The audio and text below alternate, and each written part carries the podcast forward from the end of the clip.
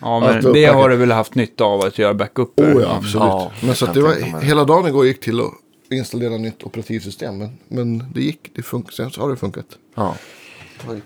Ja. Exakt, ja Så, verkligen. så datakrasch och... Eh, Bilkrasch. Ja, men du har ju fått din första trehjuling nu. Ja, men exakt. Ja. det var ju faktiskt. Ja, det, är, det, är det roligare att köra trehjulig eh, bil? ja, Det är mer utmaning i kurvan om inte annat. ja, precis. Ja. Ja, Vi tackar herregud. Speedy för att de inte drar fast däcket. Ja, eh, men exakt. 100% va? Ja, Men tur att det var bakdäcket ändå. ja, shit. Eller? Det hade kunnat gå ju dåligt. Ja, och tur att det var typ i det är bostadsområde. 50 knyck, inte 150. Det gick, jag tror att jag körde kanske 20. Jag hade kört över ett, ett fartgupp precis. Så att det var verkligen så här. Men det du märkte över fartgruppet att det var något som var Ja, fel? men det, då, då lät det så här. Och så kom jag 50 meter till. Och sen hände något. Sen rullar du om det på, Ja, sen blev jag omkörd av mitt eget bakhjul. vänsterbakdäck. Ja, så Ja, kan det gå. shit alltså. Det är sanslöst. Ja. Mm. Underbart. Ehm, men, vi, men, eh, men eh, det känns också att eh, det kan vara bra med, med bilhaverier ibland. Ja, För annars hade inte du varit gäst idag. Ehm, Nej, precis. Aha, det, Det är faktiskt just så. det. Jag väntar ju på min kära Ford Mondeo att den ska bli färdig i Sundsvall. Så att, eh, som Det är därför du är kvar, okej. Det är därför jag är kvar. Annars hade jag åkt hem igår. Ja, jag blev så glad och Danne ringde och sa att, att du var kvar i stan. Ja, precis. Det är toppen. Och jag var glad att du kunde.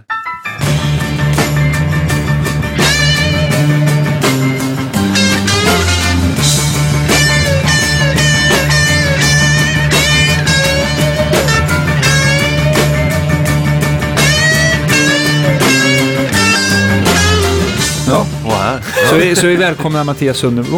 Ehm, Ja. Tack, tack, tack, Mycket trevligt att ha det här. Från Och- Solomon Guitars. Ja, precis. Precis. Superfina. Eh, man kan ju tro, med tanke på din eh, liksom, renommé och rykte och, eh, och eh, kvalitet så kan man ju tro att du har hållit på i herrans massa år. Men så är det inte riktigt. Nej, så är det inte. Det är ju... Det har varit en sån här otroligt raketres, eller vad säger man? Ja, det får man säga. Alltså, jag har ju bara hållit på i alltså, heltid med företaget sen jag Ja. startade i nästan sex år. Ja. Eh, så att eh, det har ju gått otroligt bra får jag säga. Och framförallt sista två åren har det ju skjutit i höjden väldigt mycket. Så att eh, det Du får skylla dig själv tycker Ja. jag. Helt enkelt. jag får väl det. Du gör för Nej, bra det ett- gitarrer. Det är ett angenämt eh, problem så att säga när man inte hinner med. Men det har ju Ja. verkligen varit lite så här. Ja men man har fått känna av det här som folk pratar om. Växtverk i ett företag. Mm. Alltså verkligen när du liksom kommer till det. När man tänker så här. Alltid, det värsta är ju när man inte har någonting att göra. När man Ja. inte får någon beställning. Eller, det är mer stress än när du har mycket att göra. Ja, just men just det här växtverken när du då känner att. Åh, nu är det många som beställer och jag hinner ju inte med fem öre. Den är ju jobbig Ja, det också. måste ju vara jobbigt att säga så här. Ja, men eh, jag kan börja bygga din gitarr i juni. Ja, exakt. Eller så här, jag vet inte vad du har för... Nej men alltså Men- det är, ibland är, vi har ju haft när det var som värst, ja men, för, ja men för två år sedan då när det började liksom verkligen pika uppåt. Bara helt från ingenstans var det också. Det var liksom bara puff. Så här. Eh, och då, ja men då var det ju som att de som jag hade lovat då kanske fyra, fem månaders leveranstid vart ju upp mot ett år som Ja. längst.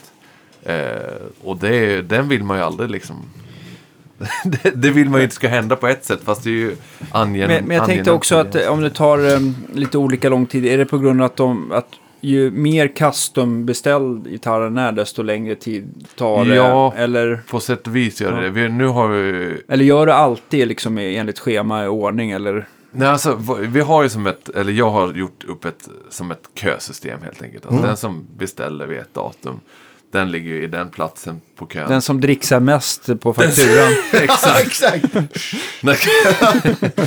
Ja men lite så. Nej, nej men så, den som beställer vid ett datum, den har liksom ett, eh, en kölapp där. Ja. Och så vet du, det sätter jag som en eh, estimated tid då. Där, ja men fyra till fem månader, ibland kortare, ibland lite längre. Ja. Och det får man ju som eh, vara ärlig med att ibland beroende på hur gitarren eller basen innan går. Ja men stöter man på några problem eller ändringar för kunden får ju ändra sig så länge inte vi har gjort momentet. Eh, så det- den kan ju liksom ändra till en fett C-profil. Ah, nej, jag byter stall. Jag vill inte ha det stallfästet. Ja, Mm. ah, då måste jag beställa det kanske. Det ligger efter. Ja, du vet. Så det är mycket grejer som kan ändras och sådär. Eh, och därför kan förskjuta tiden. Eller om man får tekniska problem med lackbox som vi har haft en del av. På Mm. vintern framförallt nu. Det är därför vi har byggt om eh, lackbox och sådär nu. Så att eh, vi hade problem med att fläktarna frös när det var för kallt. Ah, okej. Och kan du inte lacka på typ tre veckor när det är 25 minus, då är man ju ganska... När- Då är man ja. efter. Då är man efter, precis. Eh, innan vi, eh, jag tänkte att vi går in på, eh, på lackbåset mer i detalj här om en stund. Men jag tänkte på, finns det enligt dig någon här perfekt lacktemperatur? Att nu är det idealiskt för... Alltså jag skulle säga just, just vid själva lackeringen. Ja, precis. Ja, Eh, så tänker jag alltså rumstemperatur. Okej. Alltså inte för varmt. Vad, vad blir problemet om det blir för varmt? Det vill säga, jag antar närmare 30? eller Ja, precis. Alltså är det, jag skulle säga nästan är det över 25. Ja. Då börjar det bli jobbigt. För att då härdar det. För, du vill ju ändå Ah, få okej. det härdar för fort. Du vill ändå få att det ska liksom flyta ut. På cellulosan så är det ganska snä, snällt. Eftersom cellulosan löser ju de underlagren. Nu kommer Tobbe här det med, med kaffe. Ja. Ja, det är fantastiskt. ja. Nej men, Vilken, vilken... Just det, Mattias, du dricker inte kaffe. Jag tar Det måste, ju- det, det måste ju vara... eh, Det, det kan ju inte vara en på hundra vuxen norrlänning som, inte- som, som inte dricker kaffe. Nej, ja. nej, det, det, det är verkligen, alltså jag är lite av en sån här banger liksom. Man känner ju så här, ja men ska vi ta en kaffe? Ah, nej, det gör vi Nej. inte. Ska vi ta te då? Nej, det gör Nej. vi inte heller. Du jag gillar dricker ju inte- inga varma drycker alls. Inte ens Glühwein. Nej, precis. Nej, så att jag har ju verkligen, man känner sig som en lite så här bov när man kommer och ska chilla liksom. Så, ja, men, får vi bjuda på en kaffe? Ah, det är bra, ja. Vatten Kan jag ta ett vatten? Ja. Ett vatten, tack. Ja. Men, eh, nej, men det blir ju en del eh, Red Bull och annat sånt där Ja. när man är, Det är bra. trött och grisig Ja. på morgonen. Men jag tänker i somras då, då det var så himla varmt. Ja. Blev det problem då med... Du sa att cellulosan var ändå var Jo, snällare. precis. Det var det. Precis. Cellulosan är ju så. Den, beroende på vilket lösningsmedel man använder i den och vilken typ. Men generellt så löser den ju upp ganska bra det undre skiktet. Så om du väntar till exempel, du sprayar några lager, väntar 10 minuter så spray- sprayar du något lager till. Då löser den ju som upp, även om du har härdat hyfsat. För cellulosan härdar ju snabbt det yttre. Just det. Ehm, så vet du, då, då liksom löser den upp det underlaget. Vilket jag hade sätter sig in och blir bra. Men har du tvåkomponentslacker. Eh, som kanske också härdar väldigt fort. Det är liksom första härdningsprocessen. Då löser inte de upp. Så då får du som Ah. att det lägger sig på. Men det går inte riktigt i varandra precis. Så när du slipar sen igenom och polerar upp. Så kan du komma igenom flera olika steg. Och då ser du liksom skiftningar i lacken. Och, det, vill man ju inte Men det ha. blir inte så här så skikt så att det blir som, inte som ett äggskal, men att det liksom så här spricker av Nej, ett lager. det blir Nej, det inte. nej. Utan du ser det lite om du ti- Alltså nu är vi inne lite på nördnivå. Men, alltså, men- om du skulle liksom Mm, det titta så här. är Du här. Det är ser du verkligen. Ja, det är därför vi är här. Jag vill att vi, eh, när det är sådana här podcast, när det är så här, eh, folk förstår ju att det kommer bli väldigt nördigt. Men, Ja, precis. men ja, vi, det finns inga så här begränsningar för hur mycket man kan prata över huvudet på folk. Nej, precis. Idag. Nej, Ja, men bara så vi vet. Bara så ni vet, kära. Precis. Nej men som sagt, så där har du ju, då, då kan man se som skiftningar i, i lacken. Och framförallt då på en, eh, ja men, säg en Fiesta-röd färg eller någon sån typ av färg, solid färg. Och liksom håller, då kan du se som, ja, det blir skiftningar helt enkelt. Jag vet inte hur man ska säga bättre, bättre ord. Men, eh, och det kan som sagt ställa till. Så jag, jag föredrar inte varmare än 25 när jag lackar. Absolut inte. Eh, Men sen kan du dra på efter. För att den ska härda fortare sen. Aha, Okej. okej. Men du får absolut inte få för mycket. För att drar du på, ja men pratar vi 35 liksom, grader. Då, då börjar du ju, har till exempel en uh, svampbärskropp. Som Mm. har mycket öppna porer. Då börjar det bubbla. Aha, Då okej. kommer det ju liksom, det som, för det finns då alltid lite den- Mm. fukt och lite moisture liksom i träet. Det är liksom, det ska det ju vara. Eh, så värmer du på så pass mycket, om den inte är rostad, då har den redan utsatts för det, det brukar inte vara så farligt. Men vanlig eh, ask då, då, då kommer det små bubblor, så då liksom börjar det klämmas ut. Och då tar ju som inte det sig ut. Så då blir det en sån här fin krater. Och så. Ja. Been there, done that. Ja. Man lär ja, man sig. lär sig av sina sig. misstag. Ja. Ja. Och det kan man ju säga att det är ju liksom alla. Jag tror jag inte träffat en enda gitarrbyggare som inte liksom säger det. Men man blir ju bättre av alla misstag man gör. Liksom. Alltså det är, det är liksom miss, de duktiga gitarrbyggarna är de som kan dölja sina misstag säger de. Ja. Och de duktiga musikerna är de som kan dölja sina misstag. Absolut. Alltså det är Ja, ja. oavsett ja, men, och- bransch alltså. Ja, men visst. Och det finns väl ingen liksom, framgångsrik så här, storföretagare som inte har kursat en tre, fyra bolag innan. Nej men liksom. lite så, precis. Så det är bara... Nej, Så jag man lär hoppas, sig. Ja, jag hoppas jag slipper kursa helst. Nej, men det, tror jag är... Men vi ska, så framgångsrika ska vi inte bli. Nej, precis, exakt. Vi ska hålla det på en bra nivå. Ja. Alltså jag, jag, jag, kan, jag kan tänka mig att eh, vi kan springa iväg och prata lack i en timme, men, men jag Ja, funderar vet på det. om man ska ta det lite så här eh, kronologiskt också. Ja, men för, att det- precis. va, va, för att innan du liksom startade Sonemo Guitars, då, hade du, då var du mera gitarrmeck, eller vad gjorde du innan? Precis, alltså jag, jag har ju varit musiker så jag har varit ute och spelat mycket. Det, det är liksom grundgrejen. Jag Du spelar jättebra gitarr, det vet ja, jag ju. precis. Ja. Så man är ju gitarrnörd i grunden. Ja. Och det resulterar i att ju nördigare och nördigare man blir, precis som alla vi som sitter i rummet och alla andra som lyssnar troligtvis, eh, så får man ju högre krav på instrument, förstärkare, ja, all gear man använder.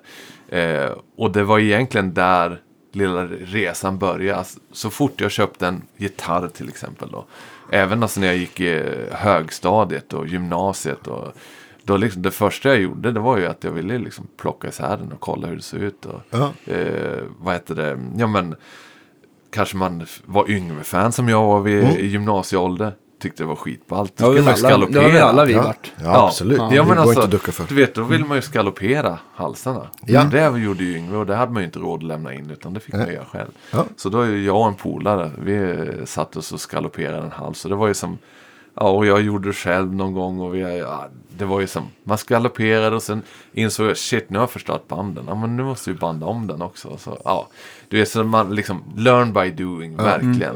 Och jag bytte mickar och det var ju liksom, börja bara med liksom att modifiera och göra som man tyckte bättre då. Och alla gånger vart det inte bättre. Men, men eh, man vill liksom, ja men man vill göra det till sin egen. Eh, för jag, jag har alltid varit så att jag har känt, framförallt med, eh, ska vi inte nämna hårt några specifika märken, men med de gitarrerna Jo. som jag har köpt. Här, här är vi väldigt transparenta, så det, Ja, nej, men jag okej. förstår om du Ja. vill. Nej men som sagt, alltså köper man en gitarr så har jag alltid velat ha den här uh, individen Ja, i visst. gitarren. Jag tycker inte om gitarrer som alla känns likadana. Nej. Alltså, eh, eller de kan kännas likadana på ett sätt men jag vill ha en mojo liksom i, i eh, instrumenten, en karaktär.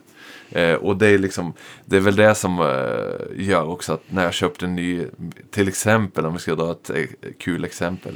Eh, när ettan i gymnasiet tror jag, då köpte jag en eh, Fender Mexico Strata. Eh, och så vet du, tog jag hem den, var skitlycklig, typ en dag. Sen bara, hmm, alltså den känns ju ändå lite för right. fin. lite för liksom så här, ja. Så då satte jag mig, tog en kniv, började tälja så här, inne på mitt pojkrum. Det, ah, det var ju ballt. Och så liksom så här slet ut det. Jag hade sett liksom alla gitarrer som eh, stjärnorna har liksom är ju slitna och så här. Eh, och så vet det, kom farsan in, in genom dörren, öppnar dörren, ser mig sitta och tälja en splirrans ny gitarr liksom. Som i hans ögon då kostar en del liksom. Vad gör du? Va? nej, nej, det är lugnt farsan. Det ska vara så här. Det ska vara så. Så att, Det blir eh, bättre sustain. Ja, ja men precis. Okej. Här är mer trä, alltså. Så att det, var ju liksom, den, den, eh, den har man ju fått höra någon gång av farsan. Minns du när? Ja. Eh, så att där, där liksom började ju redan den här relic-grejen. Att Ja, just tyckte det. det var liksom coolt och ja. Man, man insåg ju det i gymnasietid. Man hade ju som inte råd att köpa några vinterskurar. Utan det var ju liksom, ja. Det kom ju som senare. Mm. Eh, så att, eh, men som sagt, så det började egentligen med att jag moddade liksom allt jag kunde själv. Mm. Eh, och liksom tog och snackade med ja, men de lokala teknikerna och fick som inspiration och Mm. hjälp av dem. Och, eh, och det var ju Jönköping jag bodde då när det var som mest som man höll på med det där. Mm. Eh, så det var ju, nu minns jag inga namn men på musikbörsen vet jag att Ola, en polare jag, vi gick in och snackade mycket med han som jobbade där. Mm. Så att, nej, så det var, det var väldigt kul. Eh, och det är som sagt, sen eskalerade det ju, ju mer sen eh, jag var ute och spelade så hjälpte jag ju, ja men, bandkollegor och alltså folk runt om med setupjobb och, eh, och vad heter det, ja men kanske det skulle bytas någon hals eller bandas om, då började jag hjälpa till med det. Eh, och sen har man liksom hoppat fram lite, då, då vart det ju eh, några år sedan när man hade gått ut gymnasiet, jag läste i folkhögskola på ITM i Jönköping. Ja. Eh, musik och media. Och så vet du, gick jag vidare därifrån. Så flyttade jag ju upp. Och under den perioden så spelade jag ganska mycket. Och så flyttade jag upp och fortsatte spela upp i Umeå. Eh, men sen så fick vi ju barn. Och så insåg jag att ja, men, det är ju svårt. Det är många som lyckas jävligt bra. Men jag fick inte ihop det här med att liksom vara ute och turnera. Samtidigt som du hade ungarna. Jag hade för dåligt liksom, så här, samvete när jag var borta. Och kände så här, ja, men är du borta fyra månader när bebisen är en månad. Då är det så här, eller fyra veckor med det. En månad händer så sjukt mycket på.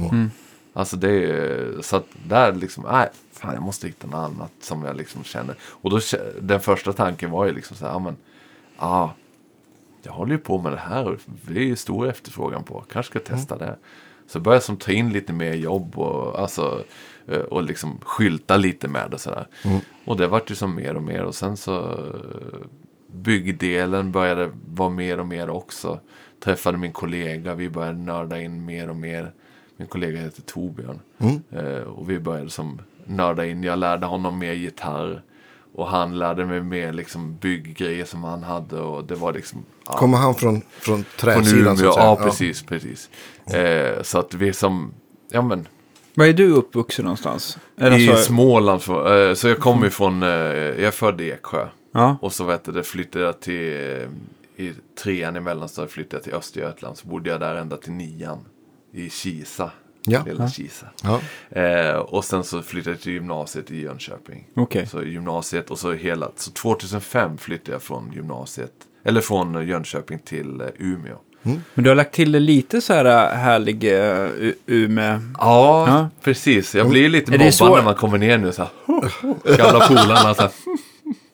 Så att eh, jag är väl lite blandras där Ja. i dialekten Ja, liksom. jag, tycker, ju- jag älskar ju dialekter. Ja, det gör jag också. Det Om är det är roligt när Andreas har rest hem och så kommer han Ja. ner, då blir det lite... Jag tycker det är kul för du har vissa, vissa ord är så typiskt.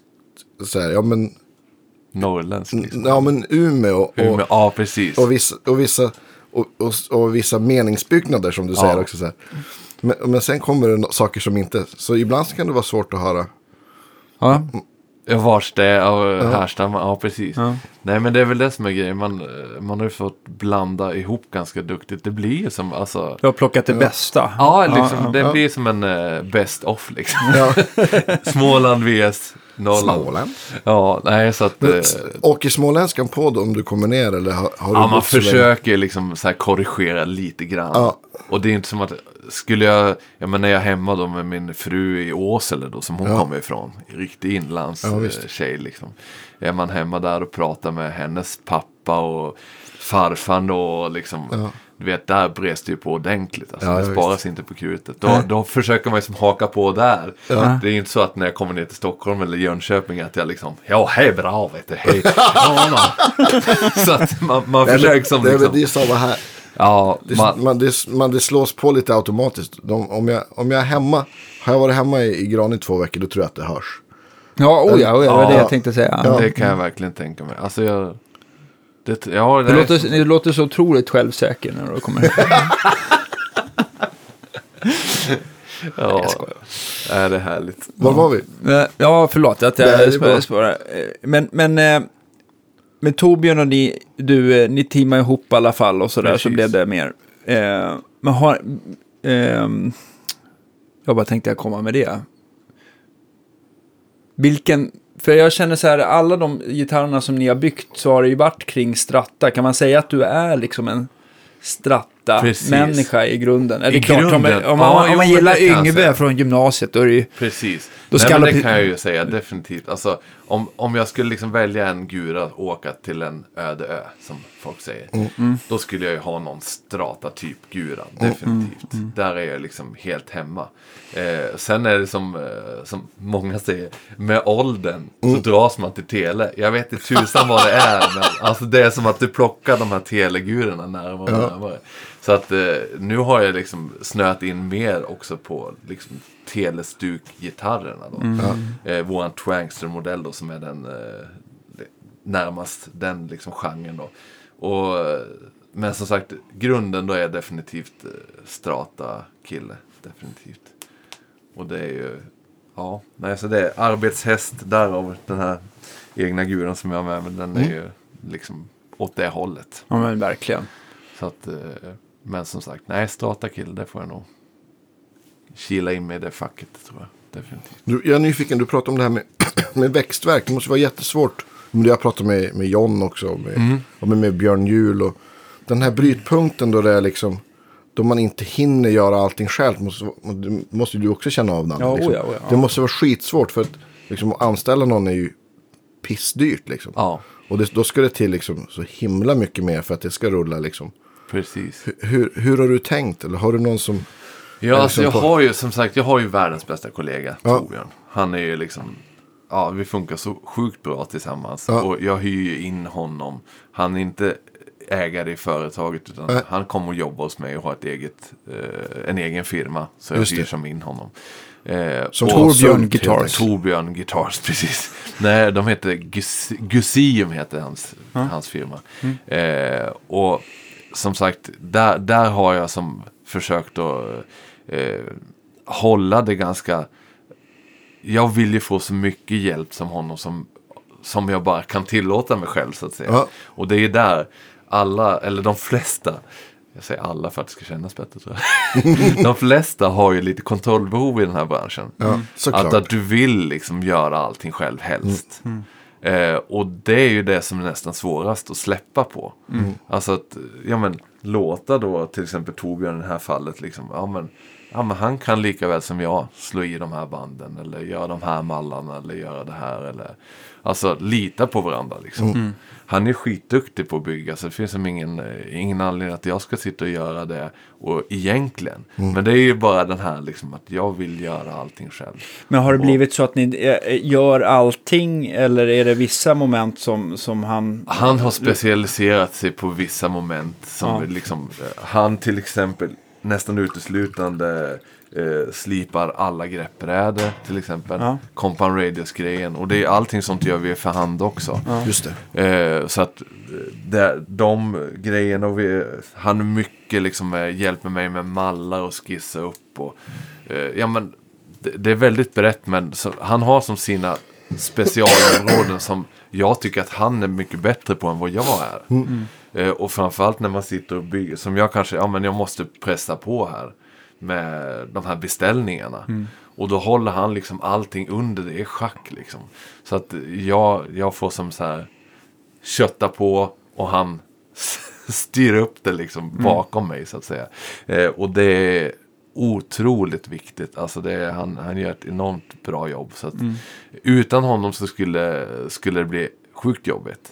Det skulle gå men då skulle jag måste anställa någon annan. Eller, alltså, och det är som sagt, vi har jobbat tillsammans så länge så att jag behöver som inte Ja, vi ju... behöver som inte säga så mycket. Nej, det är Vi ju vet- ovärderligt, Ja, det är faktiskt. verkligen ovärderligt. Så att, eh, men som sagt, så vi, han har definitivt sina grejer som han eh, eh, som vi har liksom växt in med att ja, men det där gör han riktigt bra. Så liksom, då kommer han och hjälper mig med det. Är det inte skönt också att ha något bollplank så här när man ska utveckla saker också tänker jag? Eller, eller vad tycker du om det här? För ibland så, även om man kanske får, har rätt uppfattning om någonting så vill man nästan få det bekräftat av någon annan. Absolut. Eller är jag ute och cyklar?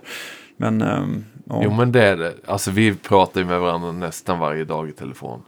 Alltså det är som att man, ja, men man bollar fram och tillbaks med det mesta.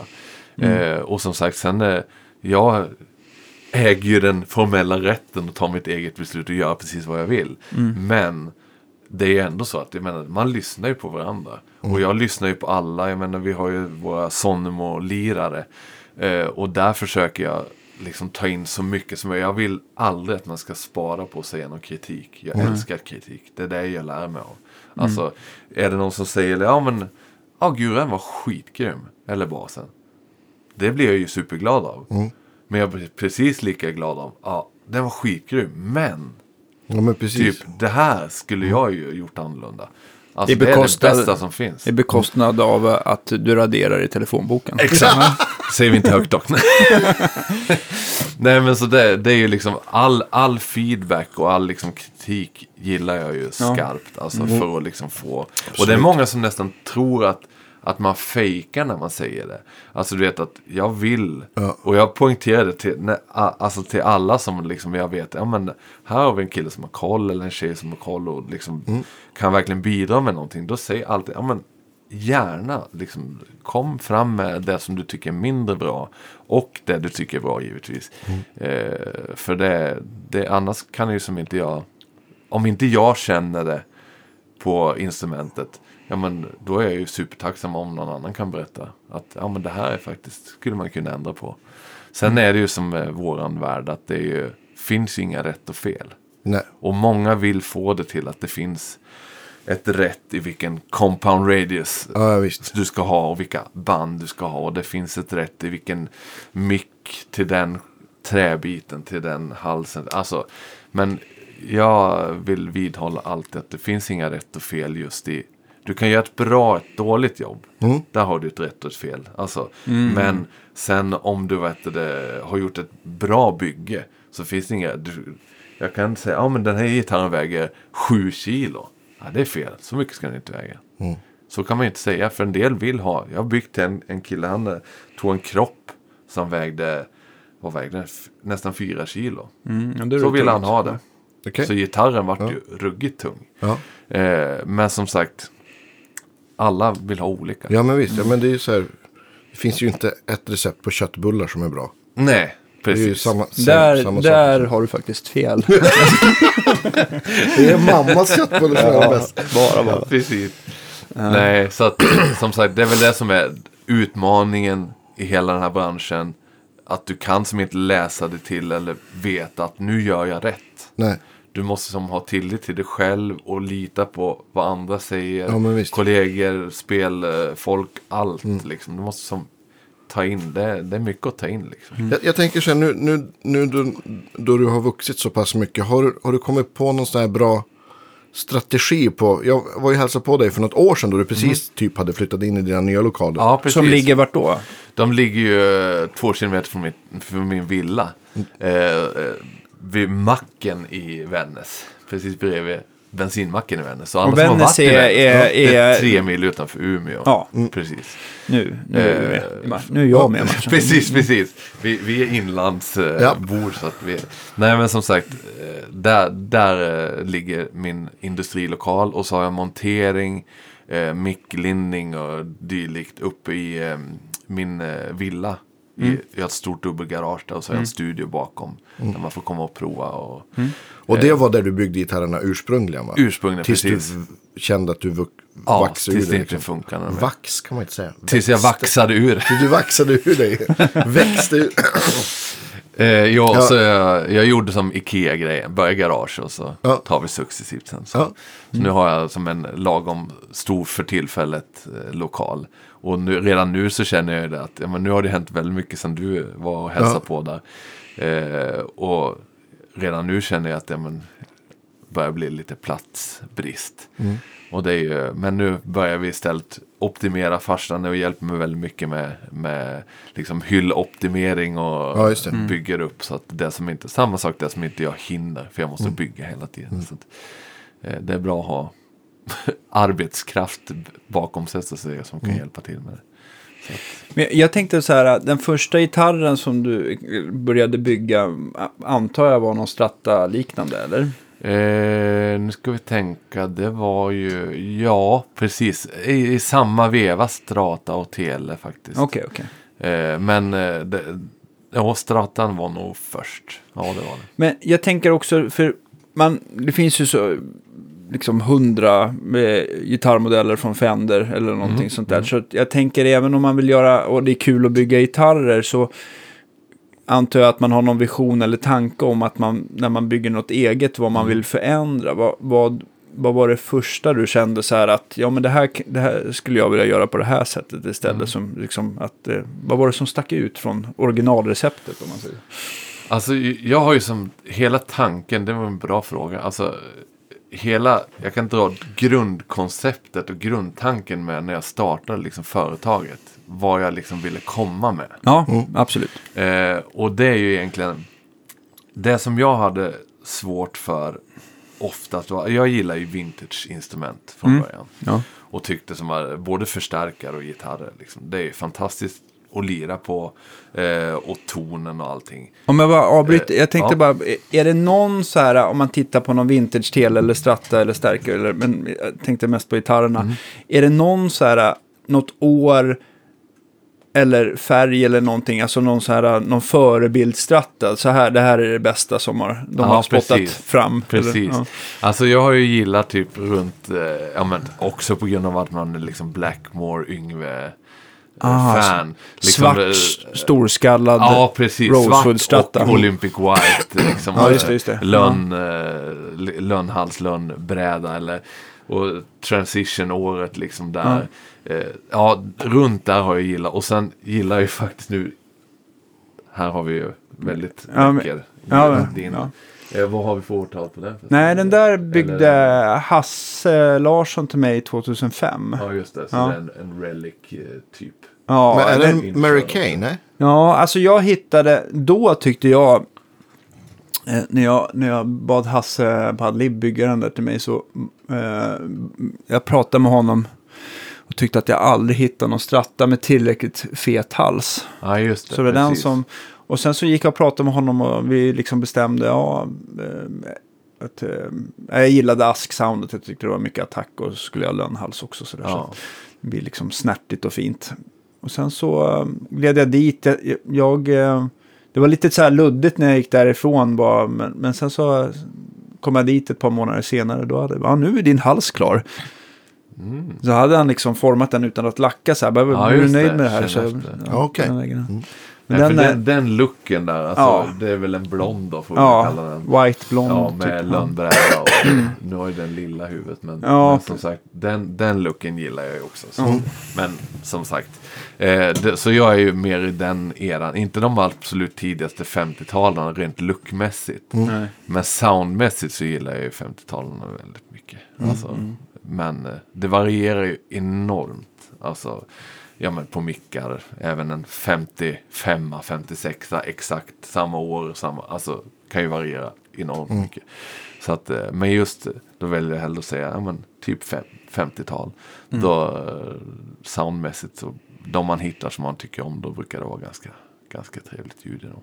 Så att, men, eh, så där, där har jag alltid gillat vintage-skurer. Men, och förstärkare. Jag hade en Plexi från 67 som, den var min babe. Eh, och, men där är liksom, ta ut en sån ut på vägarna och spela. Kanske inte lika stabilt som man skulle vilja alla gånger. Nej. Halsarna börjar röra sig och så om till exempel olyckan skulle vara framme, du blir av med den gitarren, den förstärkaren. Ja, då kan du ge det tusen på. Du hittar ingen som är lika skön, lika som du vill, som du känner igen dig på. Alltså, eh, så där, där liksom börjar som grundtanken att jag vill ha, jag vill bygga gitarrer som känns tonmässigt, modiomässigt som en vintage-skura. Men stabilitet, spelbarhet, eh, liksom kvalitet ska vara modern och ja, men, stabilt. helt- Alltså ett riktigt bra bygge som du inte behöver bry dig om så Nej. mycket. Utan du bara tar ut det. Turnera med det, spela med det i studio, vad du än vill göra. Sitta i sovrummet hemma eller alltså. Vad du än gör så ska det vara så problemfritt ägande som möjligt. Eh, och där, där är liksom en sån där grej som många Alltså många nöjer sig med, och inklusive jag själv, innan liksom jag började bygga på, eh, ja men, på heltid så att säga. Alltså man, man som tog, eh, man köpte det instrumentet man tyckte så schysst ut, kändes bra. Sen tog man för och nackdelar. Ja, jag vet att den här halsen rör på sig. Eller jag vet att de här, det händer mycket på vintern. Bandändan sticker alltid ut på den här. Jag måste alltid ta det. Men man köpte det liksom. Eller kanske att, eh, ja det var en liten konstig midfrekvens i den här guran. Ja, jag rattar bort det på stärken. Och Man anpassar sig liksom. Eh, men jag tycker som att man inte ska behöva göra det. Utan jag ville, om det var möjligt tänkte jag att då ville jag bygga någonting som funkar på alla plan. En röd tråd rakt igenom. Liksom. Eh, så det var det och jag kände som att jag hittade inte de, de typen av gitarrerna. Eller gitarrer som hade allt det. Nej. Antingen hade den det eller så hade den det. Men du fick aldrig liksom full pott. Nej. Lite så. Eh, sen eh, säger inte jag att jag har lyckats få full pott. Men, men eh, jag, det, mitt tänk i min fulla pott försöker jag komma så nära som möjligt. Eh, och så Det är därför jag liksom eh, som sagt då har eh, mina vintage-seriegitarrer som är relic eh, finish på då. De ser ju vintage ut. Men de har inte vintage specs på halsen till exempel. Men där har du 10-14 i compound radius. Rostfria band. Väldigt liksom sköna att lira på. Och kan lira väldigt länge på grund av de rostfria banden innan du ens behöver tänka tanken på bandslipa eller banda om. Och, eh, så att det, som sagt, hel, hela grundtanken är att du ska liksom kunna ha något som ser vintage ut och, och liksom, eh, vad heter det, mm, kännas modernt och du behöver inte bry dig när du är ute och lirar. Jag och det var ju som sagt första serien då. Jag, Eh, jag, jag tänkte bara på, på, på rostfritt där. Ser Mm. du bara fördelar med det? Eh, nej, alltså, eh, eller till min egen smak så Ja, ja men absolut. Vi, ja. Eh, så det är viktigt att påpeka. Det är samma där, inga rätt och fel. Men eh, där har du definitivt mycket med smak att göra. För det är många som, ja men bandar du rostfritt så får du en annan snärt i tonen. En annan distinkthet. Och det är inte alla som gillar det. Eh, därav en del väljer rakt av nickelband istället. För att de, de tycker det blir för bright och för mycket attack i en, eh, i en gura med rostfria band. Eh, men fördelarna, ja, men kanske som musiker som jobbar mycket eh, och spelar väldigt mycket ut eller ja, ja men som använder den dagligen. Då kanske de egentligen lite där också hittar sin medelväg. Att, ja, men jag står ut med de här rostfria, jag rattar bort lite presence på stärken för att inte få det här spikiga som en del då tycker att det är. Eh, och, och kör med rostfritt ändå för att det är så många fördelar. För att dels blir det ju om du gör ett bra bandjobb. Och då säger jag verkligen om man gör ett bra bandjobb. För gör du ett dåligt bandjobb då märks det mycket, mycket mer på rostfritt än på Jaha, okej. På vilket sätt? För rostfritt är ju så hårt. Så att om du fuskar lite med bandjobbet. Eh, och så börjar du spela på något som kanske inte är helt. Du kanske har lite slipmärken kvar efter du har levlat banden. Okej. Eh, den här vägen har liksom glömt att putsa till det ordentligt. Den här ledden. Alltså, Alltså den, så som man... alltså det som du man bänder strängen ja. efter precis. Så att du har små, små mikrohack kan vi det. säga i bandet. Då, då känns inte de alls så mycket på en nickelband. Och så smetas de ut med tiden för nickel är så mjukt. Här är det tvärtom. Du gräver ner, det blir... dit, dit, dit. Alltså du, så många liksom... Eh, eh, ja men det får, jag har ju gjort mycket ombandningar så då kan de komma in. Ja jag behöver en bandputs liksom. För att mina... Eh, den eller de som gjorde ombandningen så var det liksom inte hundra. Så då, då får du det där... När du liksom Alltså, kör vibrato. Jag tycker alltså ba- ombandning är ju verkligen i många, eller bandningar är- det är ju verkligen många steg. Dels så vill du ju få dem att sitta för att du inte ska behöva slipa allt för mycket på en rak eller en, en bra greppbräda. Eh, och, och sen så just den här finisharbetet tar ju nästan eh, ibland längst tid Ja, tycker jag. Och absolut. kröningen och sånt där. Och, och varför rostfritt är lite bökigt också att banda om. Eh, det är att det sliter ju på både på dina händer och, och Verktyg. eh, och verktyg. Definitivt. Och, Och det är ju mer, det är ju mer jobb och det vet ju vi som håller på med det. Alltså, det är ju mer, mer jobb och mer påfrestning på både som du säger händer. För man får ju ta i en del när man knipsar. eh, knipsa av och när du liksom slipar och det blir, det blir mer slitage på allting. Men eh, för mig så är det som att det är så många mm, enormt mycket fördelar med det när du väl har gjort det. Och för den kunden, liraren, vad det nu är som köper instrumentet så blir det ju enormt mycket trevligare på en enormt mycket längre tid. Eh, så därav. Men som sagt, vi, jag gör ju nickelbandningar och så har jag Evo-banden. Ja, just det. Så, Och ja, Evo är ju... ja, det är ett guldfärgat band. Ja, precis. skulle, det, men det låter ju också lite annorlunda. Ja. jämfört- det låter inte som Låter vare sig det låter inte som nickel och inte som rostfritt heller. Nej. Det låter lite mer skopat har jag upplevt. Men det Ja. kan, lite så här aluminium. Ja men alltså, det är ju, jag brukar som tänka lite, ja men om du, om du vill ha någonting som håller bättre än nickel, men du är lite allergisk mot snärten du får av eh, rostfritt, Mm. då är oftast Evo-banden precis där nästan mitt emellan. Ah, okej.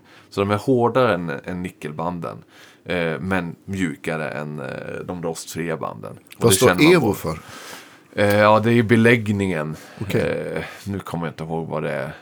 Jag tänker bara på Steve Vais favoritgitarr. Ja, precis. Evo. Ja, det skulle man kunna tro faktiskt. Ja. Men det är- eh, men- men det är beläggningen som eh, det har någonting med att göra. Det är ju Yes Car som eh, tillverkar de här banden.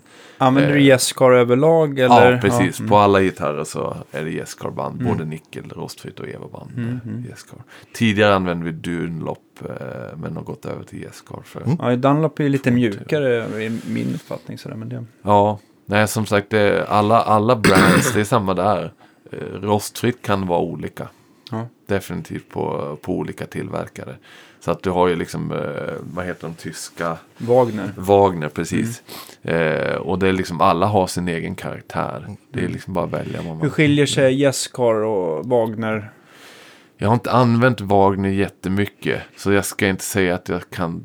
Det är ganska liten skillnad på dem. Jag tycker det är större skillnad på Dunlop Ja. och Yes. För jag, nu vet inte jag om det är sant faktiskt, men jag eh, pratade med en annan gitarrbyggare om just Wagner. Han hade svårt att, alltså de är så extremt lika Jescar och Wagner, så han trodde att det var sam, Samma. Alltså, samma fabrik. Ja, det är mycket Aha, möjligt. okej. Det är mycket möjligt. Och jag älskar, jag, jag kör ju bara Wagner, men det beror ju på lite grann vad man får tag i, alltså Ja, sakerna någonstans också. Jescar har jag aldrig bandat med, men, men Dunlop tycker jag det är, man bara känner sig när man tar med tången och ska klippa i dem att det är något, det är inte, det är inte Ja. lika hårt i alla fall. Nej. Men som sagt, det, det, det skiljer sig. Det gör det definitivt. Men som sagt, jag har märkt mindre skillnad på, och det kan ju ha sin förklaring som sagt, eh, på eh, just eh, Wagner och Jescar-banden. Så att, eh, men Dunlop och, och Jescar som jag använder nu då, det var ju ett val jag gjorde att gå över till det av en anledning. Så att jag tycker som att de, de funkar bättre. Det blir det, bättre, eller det går bättre att få en snygg yta som är mer hållbar eh, på Jescar-banden än Dunlop rostfria tycker jag. Men det är som sagt smaksak. Mm. Så att... Eh, ja, nej, så det. Jag tänkte också, du, eh, kör du eh, alltid compound? Eller jag antar att man kan beställa ra, Precis. rak rad, eller På, Given eh, på radius. custom-delen.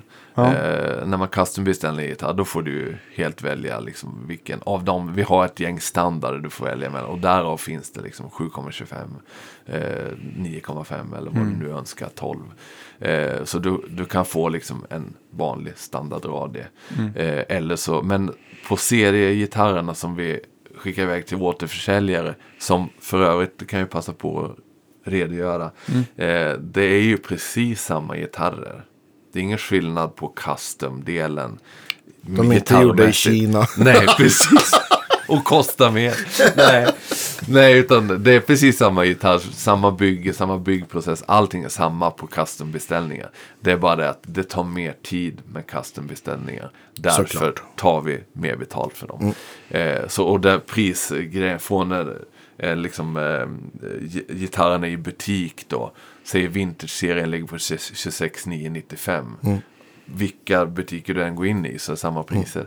Eh, och det, det är där det börjar det är där säga. det börjar, Ja, precis. ja. Så 26 995 är de lägsta priserna då. Eh, och det är för vintage-serien och Classic-serien. Och Classic-serien är ju samma gitarrer som vintage-serien fast utan relic. Just det. För de som vill ha blanka fina grejer. Men, men eh, jag tänkte också så här... Eh, men du har ändå prisat Vintage och Classic-serien lika. Ja, precis. Trots att, men Relic-jobbet måste ju ändå ta tid, tänker jag. Ja, precis. Det gör ju det. Alltså det, och det är samma, jag har som ett litet, eh, jag har tänkt lite så, det får man ju anklaga mig för att vara en dålig businessman om man vill. Men, men eh, det ena tar ut det andra. Lite. Okej. Alltså, det är mycket jobb att få en hög blank, Ja. perfekt finish. Mm. Och det är mycket jobb att göra en relic. De är ganska lik. Alltså, vissa Ja. då relic-nivåer tar lite längre tid än en, att få en blank högblank. Men det jämnar ut sig. Så jag har valt så här, ja men jag, jag är ju musiker, jag, alltså det låter ju jätte så här, snofsigt och nördigt och jättesnällt också. Men jag har ju, alltså jag vet ju hur det är när man är ute och lirar. Man har inte den fetaste plånboken och jag vill gärna lägga mig så långt ner jag kan. Möjligt liksom. eh, Och få ut mina handbyggda gitarrer till så låga priser som möjligt. Förutom, eller utan att givetvis ge bort dem liksom. Jag Ja, måste ju just. få bröd till familjen så att Ja. Men eh, så att 26 995 det är liksom. Där får jag min del. Återförsäljarna får sin del. Och det är fortfarande 26 995 för en helt handbyggd gitarr.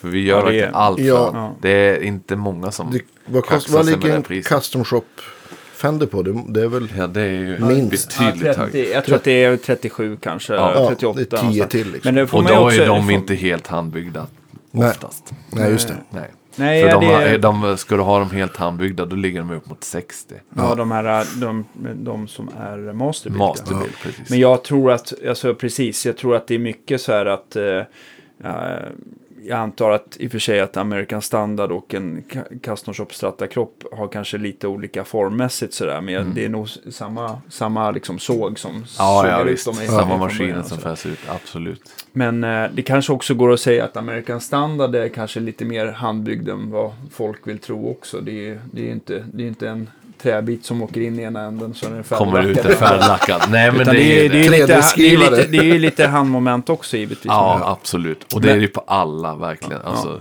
Det är därför det står handcrafted eller liksom. Ja, Alltså, Det är ju faktiskt så. Det är ju mycket handpåläggning oavsett. Ja. Hur, om, även om du fräs allt via CNC så är det mycket jobb Ja. med händerna. Såklart. Innan det är färdigt. Vad har du med för, eh, för modeller i dagsläget? Eh, ja, så det som sagt. Nej, vin- jag, måste bara, jag, Ja. jag måste bara få avbryta. Ja. För jag måste gå på... Nej, det, det är inte det. Nej, jag tänkte, jag tänkte också på Classic och Vintage-varianterna. Mhm. Vad har du? Finns det några val eller vad är det som... Vad är det, hur Ja, kommer precis. Alltså, eh, i butik som sagt, det som finns i butikerna. Standardvalen på, eller standard liksom, specifikationerna på en vintage-serie är 10-14 compound radius. Rostfria jumbo gästgarband. Eh, en medium eller medium plus C-profil vanligtvis. Och, och, om man pratar tjocklek första och Eh, tolfte bandet. medium, eh, mediumprofilen är 20,5 till 22. Mm. Medium plus är 21,5 till 23. Och så är den 42 bredd över sadeln. Okej. Mm. Eh, och det är de vanligaste profilerna som är. Och så vad heter det, kropparna då är antingen gjord i ask eller al. Och det är Swamp Ash, amerikansk ask. Eh, och så vad heter det, amerikansk al. Eh, nu, vi har kört ganska mycket med europeisk al också. Fantastiskt bra toner Skiljer det någonting så här rent Ja, det skiljer. Det är som... eh, Det är lite hårdare. eh, vad heter det? Den eh, europeiska alen. Och tyngre också? Eller? Ja, lite tyngre. Så du får leta mer för de lättare bitarna. Mm. Eh, så att eh, det, det är liksom lite mer densitet i, lite, lite mer, eh, lite hårdare.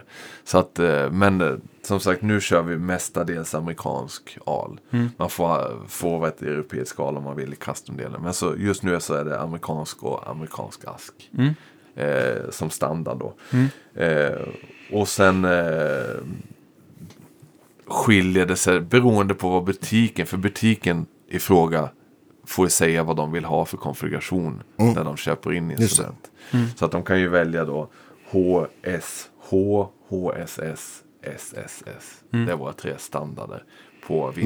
vinterserien. Ja, Mm. precis. Mickuppsättning, precis. Och, och mickarna gör du alltid själv nu? De gör jag alltid själv. Förutom, ja men jag har ju heter, bra relation med Johan Lundgren. Ja. Så vill man ha Lundgrens mickar, så han gör ju fantastiska mickar. Ja. Så att vill man ha hans mickar i, i vad heter det, våra gitarrer så kan man få det också på custombeställning. Mm. Men serie, eh, gurorna i butik, de har alltid våra egna mickar.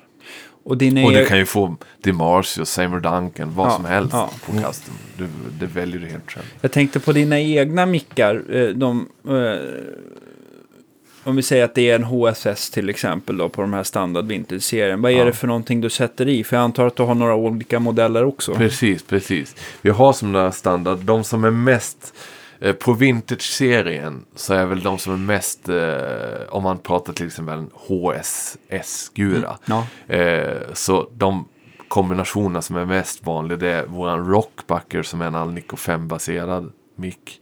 Eh, den är som Lite överlindad låter det med Ja, det precis. namnet. Lite mer än en vanlig standard puff om vi pratade om. Ja, Eh, så du har lite mer att åka med där. Bra briljans, bra strängseparation. Liksom. Mm. Ja, men en väldigt allround mick.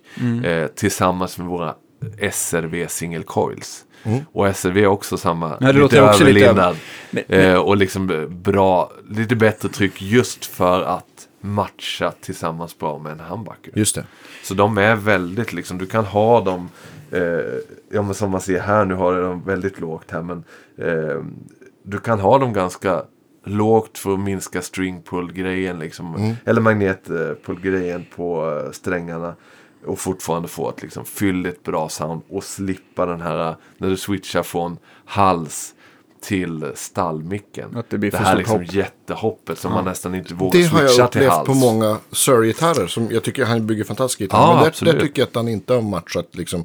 Och Nej, det är väl förmodligen för att folk har önskat så. så Nej, men det, har Ja, blivit- men, det det, är men det, är, svår- det, svår det, grej. är, det blir ju ändå så här lite, man kan ju givetvis få till det, men om man bara löder i, om man bara löder i som de flesta gör, bara eh, HSS på switch, så, så, så är det ju svårt att hitta en, dels en putt och, och värden så här som kanske är optimalt för både handbacken och Ja. singelkornen där, så att man kan ju få eh, li, eh, lirka lite med sånt.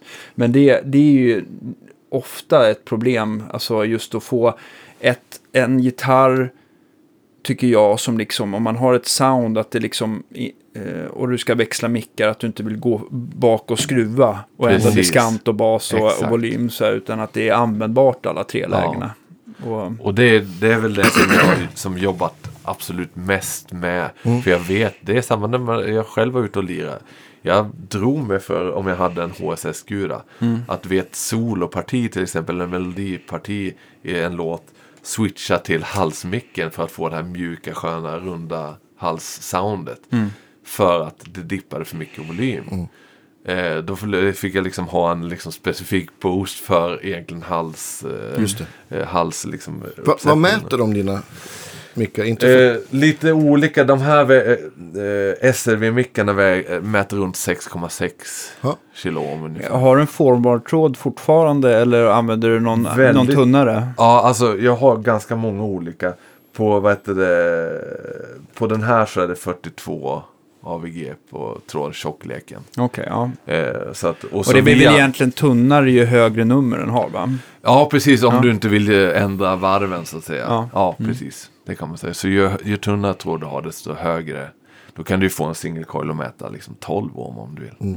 Eh, så att det är ofta det folk kanske förknippar lite ohmantal med lite fel. Alltså ohmantal behöver absolut inte alltid betyda att gitarrmicken låter mer. Nej. Nej, nej, nej. Och det är många som liksom skräms. Ja, men åh, en single coil som mäter 10 ohm. Shit, jag kan ju aldrig matcha den med mina andra. Det är inte så, utan det du får matcha liksom efter vad du får ut för sound. Alltså, Det måste ju ha jättemycket det är med inte frekvens att göra också. Ja, det har jättemycket med det. Ja, jag men- menar, och- överlindar du en mick eh, så väl, ja, men då får du bort topp, mer och mer topp. Den blir varmare och varmare ju mer tråd du lägger på. Mm. Eh, och ju mindre tråd och så blir den sprilligare och sprilligare och sprilligare. Man Alltså, kan ju nästan också tycka att en, en, eftersom resonansfrekvensen går ner i mikrofonen med mer tråd, Eh, och att den mäter mer till exempel kan ju också, att den tappar briljans så kan den ju få liksom en liten nasal mellanregisterpuckel istället. Absolut. Och det kan ju ändå, det kan också resultera i att micken bara låter smalt. Att, det Ja, liksom, att man känner att man inte har någon bottenfundament eller Precis. topp liksom, utan det är bara mellanregister kvar.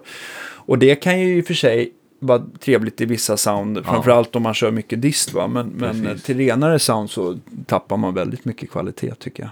Jo men det är ju det som sagt. Det, och vi, sen är jag, jag är ju, det är väl det som skiljer lite. Alltså, många av de stora tillverkarna med mickar har ju liksom, man, om vi ser vanliga trådar.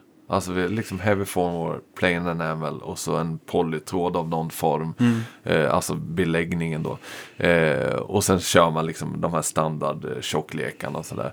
Eh, jag är ju så här, jag kan ju testa allt. Alltså jag har nördat in på rubb, alltså jag vill verkligen så här. Ja men säger någon att det inte går att linda med en liksom 48 AVG-tråd. Då ska jag bara med prova det. Liksom. Ja. Alltså, och hur låter det? Underbart. Eller 44 eller 46 eller alltså. Det finns ju no eller en Alnic 8 magnet, hur låter den i en vanlig sexsträngad, liksom inte nedstämd gura? Eh, hur låter det om jag liksom gör det här så? Så jag har ju liksom verkligen testat allting och jag är inte, jag är inte rädd för att använda de crazy prylarna om jag tycker att det låter bra. Det är kanon. För det är lite, kan många vara tyvärr. För Ja. att folk generellt kanske inte tycker att de tror att det ska funka och då köper man inte grejerna. Men, Ja, men jag- vi är väl ett ganska så här, ett ängsligt släkte. Verkligen. Så här, men jag vet, jag pratade med Sebastian om det någon gång. Han berättade att folk kan komma och så testar de stärkare. Och så, ja, fan vad bra det låter. Vad, vad är det för rör i den här då? Ja, det är 6 vid 6 Nej, alltså 6 för 6 det gillar jag inte. Och då, kan, då har de liksom redan bestämt Ja. sig att de inte tycker om något. Även fast de sa att de tyckte det lät bra innan. ja, ja, och det, det- så- det så- märker man hela tiden. Ja, det kan jag tänka mig. Att, att, att man, att, men att, du tänk, det måste ju båda ni märka Ja. dagligen. Att folk har ganska förutfattade meningar om man får säga det. Liksom. Absolut. Jag, jag tänkte också på, på mickarna här, för det här tycker jag är väldigt roligt och intressant. För att Mhm. jag, jag tänker på den här gitarren som du har i soffan här. Om du har en Alnico 5 som är en relativt stark magnet, om, man, om vi säger att den är fulladdad. Ja, precis. eh, så antar jag att dina single coils också är Alnico 5. Ja, alltså Ja. jag har olika. Så jag har både Alnico 2, Alnico 3, Alnico 4, Alnico 5. Ja, och Alnico 5 är väl den som är kraftfullast om man nu ska jämföra mellan dem. Va? Magnetdrag sen är kraftfullast, absolut. Och tvåan är väl den som, inte jag säga, trean är väl den som lämnar minst output, vill jag minnas va? Ja, alltså det, det är samma grej där. Det beror lite på. men, eh, ja men enkelt sett så kan vi säga, alltså för Alnico 2 lämnar ju, alltså det, är ju, det handlar ju om frekvens. Det är samma sak där. Jag, jag tycker inte att allting är siffror. Nej, nej, Nej. nej, men alltså, eh, jag nej, men just, Ja. alltså just även eh, Alnico 2, de frekvenserna som en Alnico 2-magnet har eh, kan låta lägre eller högre än en Alnico 3. Eh, och även liksom, alltså just för att du upplever, örat upplever ju inte frekvenser lika. Alltså, ja men, du kan ju liksom ha ett varmt sound som du upplever låter väldigt högt. Och sen när du mäter upp det och så jämfört med ett, ett vad heter det, mm, eh, Alnico 5 sound som mäter lika högt så är det fortfarande mycket lägre.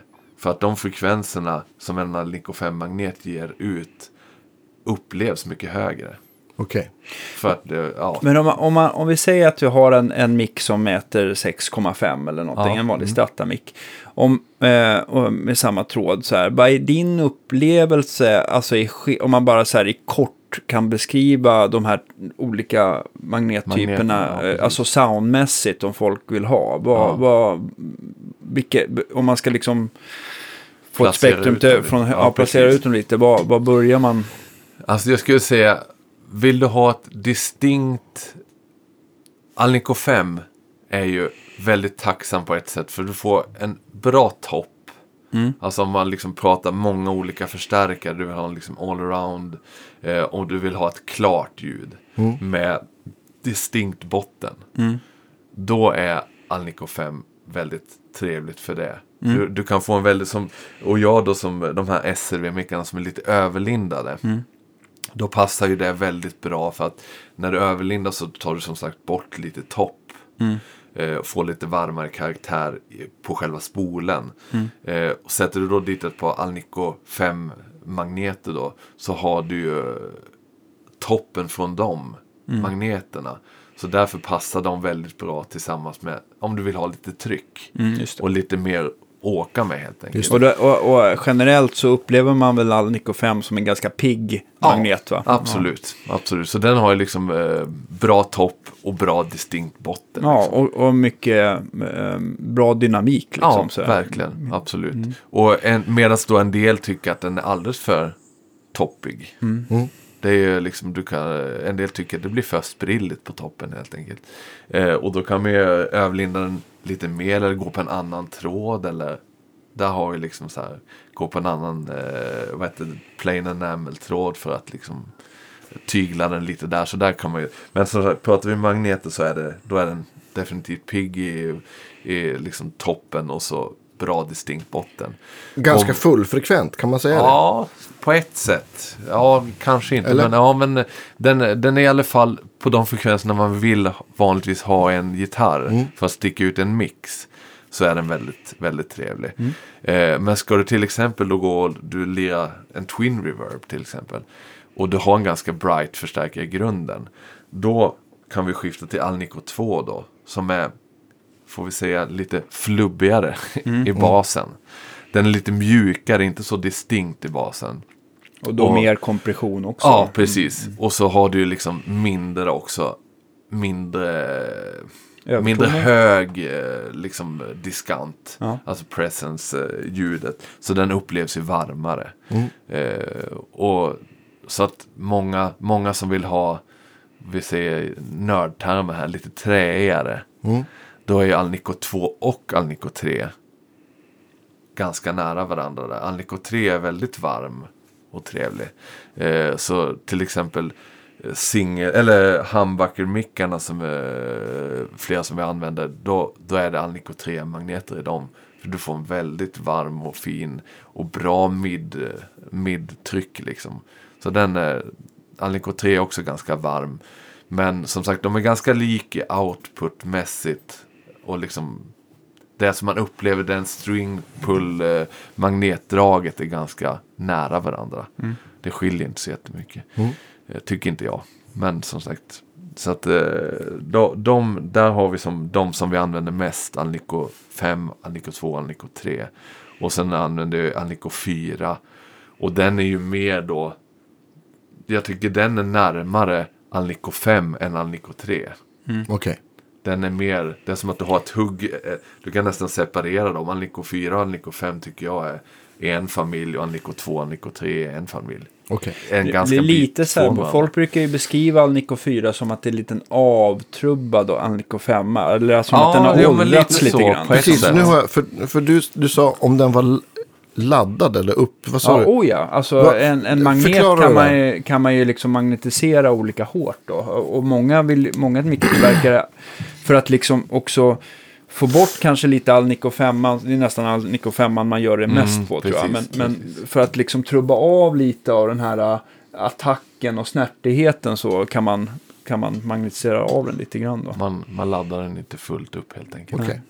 Eh, och det är ju samma där. Alltså det är ju det, är ju det som är otroligt roligt och kan vara otroligt tidsödande. Med mic design Mm, liksom. Att du kan ju sitta ja, men med alla de magneter du har. Bara där och välja en magnet som du tror kommer passa till den här. Eh, och sen ska du.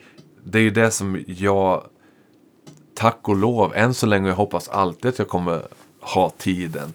Att jag, jag, jag tänker ju inte bara så här, ah, men nu ska jag göra en, en eh, vad heter det, mick för en gitarr.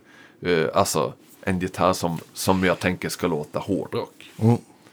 Utan jag, jag måste ju gå in och tänka att okej, nu har jag en alkropp som väger så här mycket. Och jag har, eh, jag sätter ju som oftast ett spann på mina seriegitarrer. Att de får väga si och så mycket inom det spannet och halsen får väga så mycket och jag får använda det här träet. Innan jag ens tänker att jag ska designa en mick till den. För har jag väl bestämt vilka trä och vad de får väga, densitet, allting. Ja men då, först då kan jag ju linda en mick som jag tror matchar inom den det spannet så att säga. Eh, till den serien av eh, gitarrer eller till den modellen. Eh, så att eh, där, där kan man lägga ner hur mycket tid som helst. Alltså bara som sagt ta 100 varv mindre, 50 varv mindre. Ändra från eh, plain enamel till eh, heavy form war eller du ändra från 42, alltså tjockleken på tråden.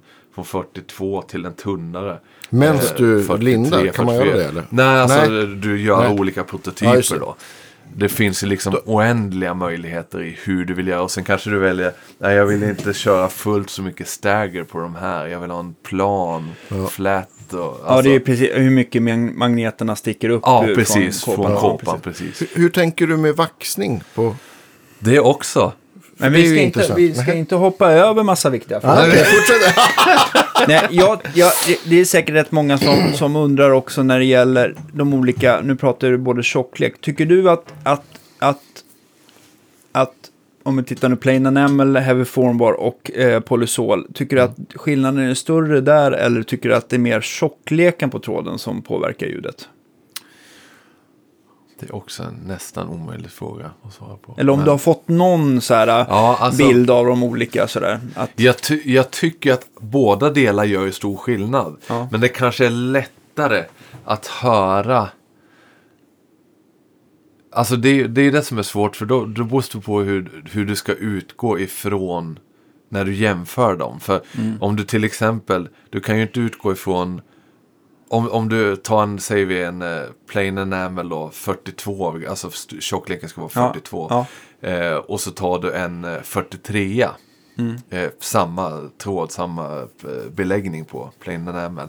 Eh, då, och så lindar du dem till 5000 varv säger vi. Eh, båda två. Då kan du ju inte jämföra dem för det är så låg output på Ah, eh, den tunnare tråden. Den måste du som linda upp mer för att komma till samma, eh, upplever jag, till samma liksom output. output. Ah, okej. Även om det kan, och eh, lindar du dem till 5000 varv, en, eh, en 42 Mm. eh, och vi säger att vi hamnar på eh, 6 kilo ohm. Eh, och sen eh, lindar du den andra 43 till, eh, vad heter det, till eh, 5000 varv. Ja men då får du ju liksom upp mot 8, 9. Och, Alltså, och, och den är kilo. fortfarande den- upplevs som, som att den har Ett- lägre output Ja, trots att den precis, mäter då precis. mer. Nu är just de siffrorna är inte korrekta. Nej, men nej. Alltså, bara som ett exempel Nej, men på. jag, precis. Jag, Så det är svårt liksom vad man, ska, Ja. vad man ska utgå ifrån. Och jag väljer ju då, jag gillar siffror, men jag väljer alltid öronen. Alltså, eh, och som sagt, där, där finns det, det finns ju nästan inget riktigt bra svar på det. Men, men eh, jag upplever så, snarare så att det är lite lättare att höra skillnad på tjockleken. På ett sätt. Eh, fast ändå så är det lättare att höra skillnad på eh, i alla fall i, det, i de eh, tillfällena du använder plain enamels för att få lite varmare, lite en annan tygling på det. Ja, det, det är jättesvårt fråga för form var den, alltså. alltså, vad jag tror, nu finns det, jag ska prata med Lundgren och dig om, men, men, men visst är det så att heavy form var det att man har väl att själva isoleringen är lite tjockare på den va? Eh, Ja, alltså precis. Grund, grundgrejen är ju Ja, det, precis. absolut. Och det borde ju göra att, att det som, när man blindar på massa varv, att kapacitansen då borde bli lägre, vilket gör att den borde släppa fram mer diskant. Fast Ja. det är ju också massa andra saker som påverkar diskanten. Precis. Om det, är en, om det är en hög och smal spole eller Ja. om det är en bred och platt spole. Så att, Och ja. sen är det ju samma grej där, tyvärr då idag, så, eh, som med allt annat, för de som säljer alltså tråd, Mm. de som tillverkar tråd, eh, en heavy form war från den tillverkaren och från den och från den är tyvärr inte samma. Nej, det är så. Det, det Ja. diffar, det gör det. Så du får ju välja, det är därför det är liksom väldigt hysch Vilken tillverkare tar den här ifrån? Vilken tillverkare har de ifrån? Alltså, ja, för att det, det skiljer sig. Och det, det finns en felmarginal som är fullt tillåten där. Liksom. Ja. Eh, och det, det upplever jag. Och du känner, alltså om du tar två, när du lindar. Ja. Och så har du en spole med 42 AVG Formwar-tråd från hmm, hmm, och en från eh, Bert Görans kompani. Och du håller i dem och lindar. Då känner du att de är olika. Du känner det på liksom hur de känns när du lindar.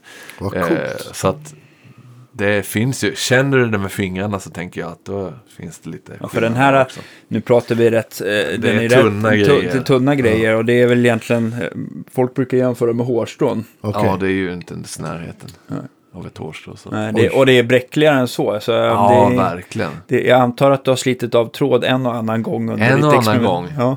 Det händer definitivt. Och händer men- fortfarande när det- man är lite stressad och så. Det här med felmarginal som du pratar om, det, är, det har vi ju pratat om så många gånger förut. Men om man tänker då liksom gamla, till exempel Gibson-mickar eller Fender-mickar.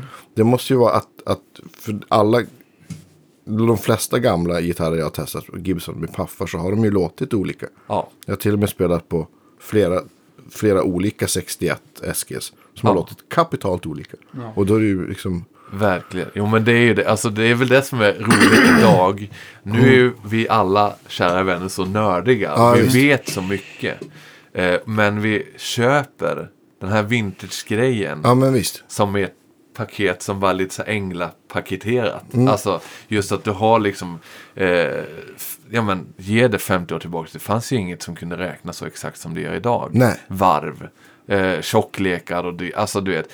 Så det kan ju skilja jättemycket på, jag menar en, lite som jag var inne på. Du kan ju få en, en mikrofon från 51 som är gjord på hösten 51 eller 55 eller 61 eller, alltså du vet. Mm. Och så mäter de helt olika. Ja. Alltså det är inte, det behöver inte vara, alltså vi pratar liksom, vi pratar inte 50 varv, utan vi pratar flera hundra varv. Eh, olika, som Någon egentligen skulle vara lika. Ja, någon för- kanske berättar en sjukt rolig story så Ja. att ingen tryckte stopp på maskinen. Man kanske var liksom så här, satt och drack kaffe. Ja, visst. Micklingen, Bara, så oj, bara, här- kaffet slut, vänta jag ska bara hälla upp lite. Så fortsatte linda och så. Ja. Ja, nej så att eh, den felmarginal vi hade förr i tiden Mm. eh, var ju betydligt större än den vi har idag. Så att eh, det är ju ingenting som fortfarande som jag säger, det här är ju liksom riktigt liksom nördigt om man går in Mm. på liksom djupet. Det kanske inte är det du hör när du kommer ut och lirar. Eller Nej. alltså, Men, men det man kan säga i alla fall om de olika årtalen när det gäller, när det gäller kanske i alla fall från Fender så körde de väl den här Heavy Formwar som är lite så här bärnstensfärgad överlag. Det kanske skiljer också från olika tillverkare Mm. Vilken färg den har. Ja, precis. Men sen så, sen så ändrade väl Fender någon gång på 60-talet, runt 63-64, på stratterna just i alla Ja, fall. De har precis. väl mer kört plain enamel överlag på alla telemickar va? Precis. Jo, det har de. Alltså, och, men som sagt, och där har ju jag, där är ju min enda, jag har ju nästan ibland oförskämt dålig koll på, alltså jag, jag har inte nördat in på årtal Nej. så mycket som jag kanske egentligen borde på ett sätt. Men det är för att jag har aldrig varit så intresserad av vad de gjorde exakt vid de årtalen, utan jag har liksom, vad låter bra i mitt Ja, men precis. så eh, frågar du mig till exempel idag, ja men PRS, den här nya modellen de kom med förra året, du vet den som alla pratar om. Ja, du, det har jag ingen aning. Alltså, Alltså, det jag- är verkligen, jag har jättedålig koll på vad konkurrenter, om vi nu ska se Ja, som ja men sådant, absolut. eller- Ja, och så vill man ju Eh, inte... men, eh, men sen har man ju gjort sin vintage-historia på, till, till så som att man ja, men, tycker att det är spännande. Så att säga. Mm. Men jag kan ju garantera att du är betydligt mer påläst på årtal än vad jag är. Men jag, tänk, jag tänkte just på plain enamel. Det är väl, alltså man ser ju nästan aldrig he- heavy formbar i en humbucker till exempel. Det måste ju vara ytterst ovanligt. Ja, det är ovanligt, absolut. är Men ju- eh, där den är här han som sitter här i soffan har gjort det. Ja, ja. ja. Och det låter väldigt bra. Ja. Så Ja, att, eh, men, eh, och det är gjort på många custombyggen. Tillsammans med en Alnico 3-magnet kan rekommenderas. Ja. Mycket, mycket trevligt. Eh, men, men som sagt, där, där har du ju, det är inte en standard, definitivt inte. Eh, att använda det. Och det är där, det är där min craziness kommer in. Att jag älskar att göra sånt som inte Sådana här annan crossover. Exakt, ja. men verkligen. Alltså det, det som alla säger att det här funkar inte, det måste jag testa. Vad vad- vad blev så, alltså om man bara... Getost i- i i- köttbullen helt Ja, enkelt. Ja, eller hur? precis, exakt, exakt. Nej, men, men eh, vad, vad var det som eh, blev eh, liksom lite, som stod ut med den eh, crazy kombon? på- Ja, alltså eh, det är ju, alltså tråden som sagt tycker jag gör ju, vad heter det, du kan tygla topp med tråd. Och tråden, eh, om du, en Alnico 3 då som vi Ja. pratade om innan, den är ju så varm och som har ett sånt, ja men, skönt midhunk och liksom, alltså om, om man lindar den så som, som, Ja. som jag tänker att den ska vara i alla fall. Eh, och med, för att få den aningen lite varmare. Ja. Eh, eller vad säger jag? Inte aningen lite varmare. För att få den, när den är lite varm, för att få den aningen lite öppnare. Ja. Så var den grym kombo att ta formvar tråd det, istället. För plain and enamel som jag hade som, eh, på den då annars. Eh, så att där, där som sagt ser jag ju, alltså jag drar mig aldrig för, alltså låter det bra då är det bra. Yngve citat. Ja, men det är jättebra. More is more. Exakt. Vad heter det? Eh, den tredje varianten, Polysol, har den Mhm. ytterligare någon kvalitet? Eller är den mera, eller ja. Ja, det har, alltså de tycker ju inte jag går att jämföra med varandra så mycket. Alltså, den polytråden då, som jag väljer att kalla den för enkelt att säga, är ju, vad heter det, tycker jag funkar med det mesta. Det är en väldigt förlåtande tråd. Alltså, den funkar väldigt bra till humbuckers. Alltså, tycker som att den, den funkar med det mesta. Alltså med, med de flesta magneter. Ja. Eh, och den är, ja nej som sagt, det är väldigt all-around tråd om man kan använda det Men upplever är den då att den hamnar också lite mittemellan då Polysol och, Ja, eller, eller vad säger jag? Heavy, Ja, att den inte är lika formbar bright som äh, formbar and och, och eh, ja. Precis. Eller den, ja man kan inte säga att den är inte lika bright heller, men alltså den, den är väldigt bra att, eh, att få, ska vi säga en eh, snäll kurva Okej. frekvensmässigt. Ja. Tycker jag. Den sticker inte ut. Det är lite nästan så här. Eh, kan man säga så kanske jag får säga men, men ja, jag väljer att säga det nog. Ja. Eh, al är ju en ganska neutral Ja, just det. Det där har vi- träbit. Eh, vi kan säga att poly är trådens al. Okej, okej. Okej. Tycker jag. Ja. Eh, att du har väldigt ne- neutral liksom, tråd. Mm. Eh, den varken gör det jättevarmt eller jättespretigt. Mm. Mittemellan, lagom Det var tråd. väldigt, jag tror att folk eh, förstår mycket väl. Ja, men precis. Och sen så ytterligare en parameter som påverkar, eller det finns ju två till som jag tänker så här. Ehm, dels vaxning, men jag tänker också att, att jag antar att hur hårt eller hur man lindar på tråden också påverkar. Liksom, jag vet att vissa så här, äldre mickar, det var ju nästan så här att det var väldigt hög hastighet och att man liksom, den, liksom, Aha, den okej. liksom, det blev ganska mycket luft i Ja, spolen fattar. över att den, Mm. den, den lindades på så snabbt liksom. Och då påverkar väl också kapacitans och alla, allt möjligt sånt där. Och gjorde det brightare eller dovare. Eller, Mm. Det är väl därför också jag antar att många paffar låter så olika. Spolarna är omatchade. Och att, och att det är så här, de är pålindade på lite Mm. olika sätt. Så att, jämfört med kanske en industrimick från Kina. Liksom. Precis. Ja. Jo, men det är det. Jag menar, då, det fanns ju inte det som, eh, som fanns. Nu finns det ju, eller fanns det ju fantastiska micklinjersmaskiner från, som är väldigt gamla och fina. Mm. Eh, men som sagt, går du till Seymour Duncan liksom och uh, kolla in hans eh, maskiner som han har idag, det är ju det är löjligt liksom i jämförelse. Det, där kan du få exakt allting. Och det är väl det som är, så deras differens på deras mikrofoner är ju väldigt liten. Eh, och där har du mer differens i mina mikrofoner. För jag lindar ju som sagt allting för hand. Och bygger mickarna och liksom. Så att det är ju det som är. Men det, som sagt, jag, jag är ju så här att jag vill ju att gitarren ska ha en karaktär. Mm. Men det tycker jag är kul för att jag har Ja. så många kollegor som, som har dina instrument och innan jag visste att du lindade mickar, jag kommer inte ens ihåg om det var första, gång, första människan jag frågade, men så var det för mickar ja men de har Mattias gjort. Och, Mm. Ja, och, det är och, och typ de, Ja, ja, jag, jag, jag tror att, jag har inte hört någon som har bytt heller. Nej. Så att, ja, det, det, det är ligger ju någonting i att, Att du säger, ja men den här träbiten och den här och så. Ja, Ja, men då blir det precis. bra så här. Det blir ju en... Jo, sen är det ju som sagt, alltså det är ju...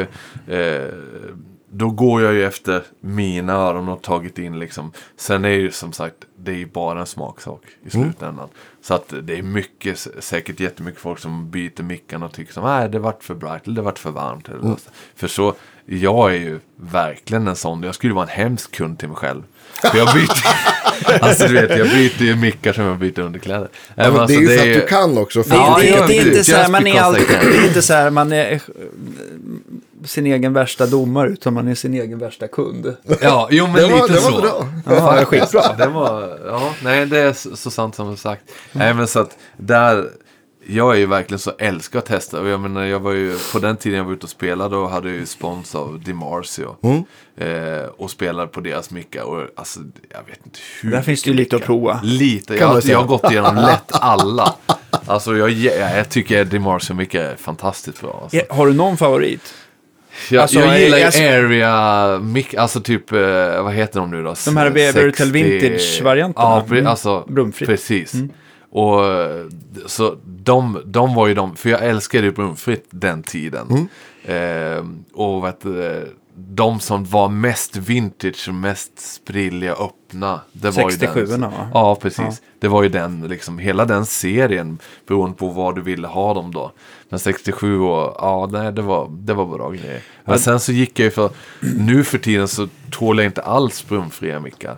Jag tycker de dödar för mycket kärlek. Men, men ändå får man väl, om man nu ska eh, plussa för DiMarzio där, så är väl nästan de som har, eller det är väl de som har lyckats bäst. Det tycker jag Och, nu, definitivt. och, och det är stor skillnad för folk som tänker, ja, men så här gamla HS3 som låter trötta och instängda. Ja. De här area-mickarna är ju någonting annat. Absolut, ja, du har ju otroligt mycket mer öppen, öppet sound i dem alltså. Så att, eh, bra och- distinkt ljud. Ja, jag tycker de gjort jag är, jobb. eh, för folk som vill ha brumfritt har jag gärna rekommenderat dem. Och framförallt de här, det finns ju två Alnico 5-magneter som, som de gör. Mm. Jag tror att det mesta är Alnico 2. Men eh, den här, eh, jag tror att den heter bara Blues. Och Okej. den som heter Solo brukar folk eh, fråga efter för Precis, om de vill ha extra tryck. då. Jajamän, Ja. absolut. Men de har sin Och så charm. fast track eh, till tele, Just det. Teleguren. och De stackar om man vill ha en, eh, en eh, Så här rail. Precis, rail mic i stallläget. Mm. Ja, det var ju, vad heter han, Andy Timmons, eller vad Mm, heter han? precis. Jävligt bra gitarrist. Cruiser-mickarna som han körde. Eller vad heter han, Cruiser? Eller, Ja, Cruiser, ja. Ja, precis. Körde väl han ett tag. Precis, de är Jag lite han det men, eh, nej, som sagt, där har man gått igenom mycket. Så att jag, jag är ju, kommer man och säger så här, ah, jag köpte en Gura men jag bytte mickar. Det hade jag också gjort.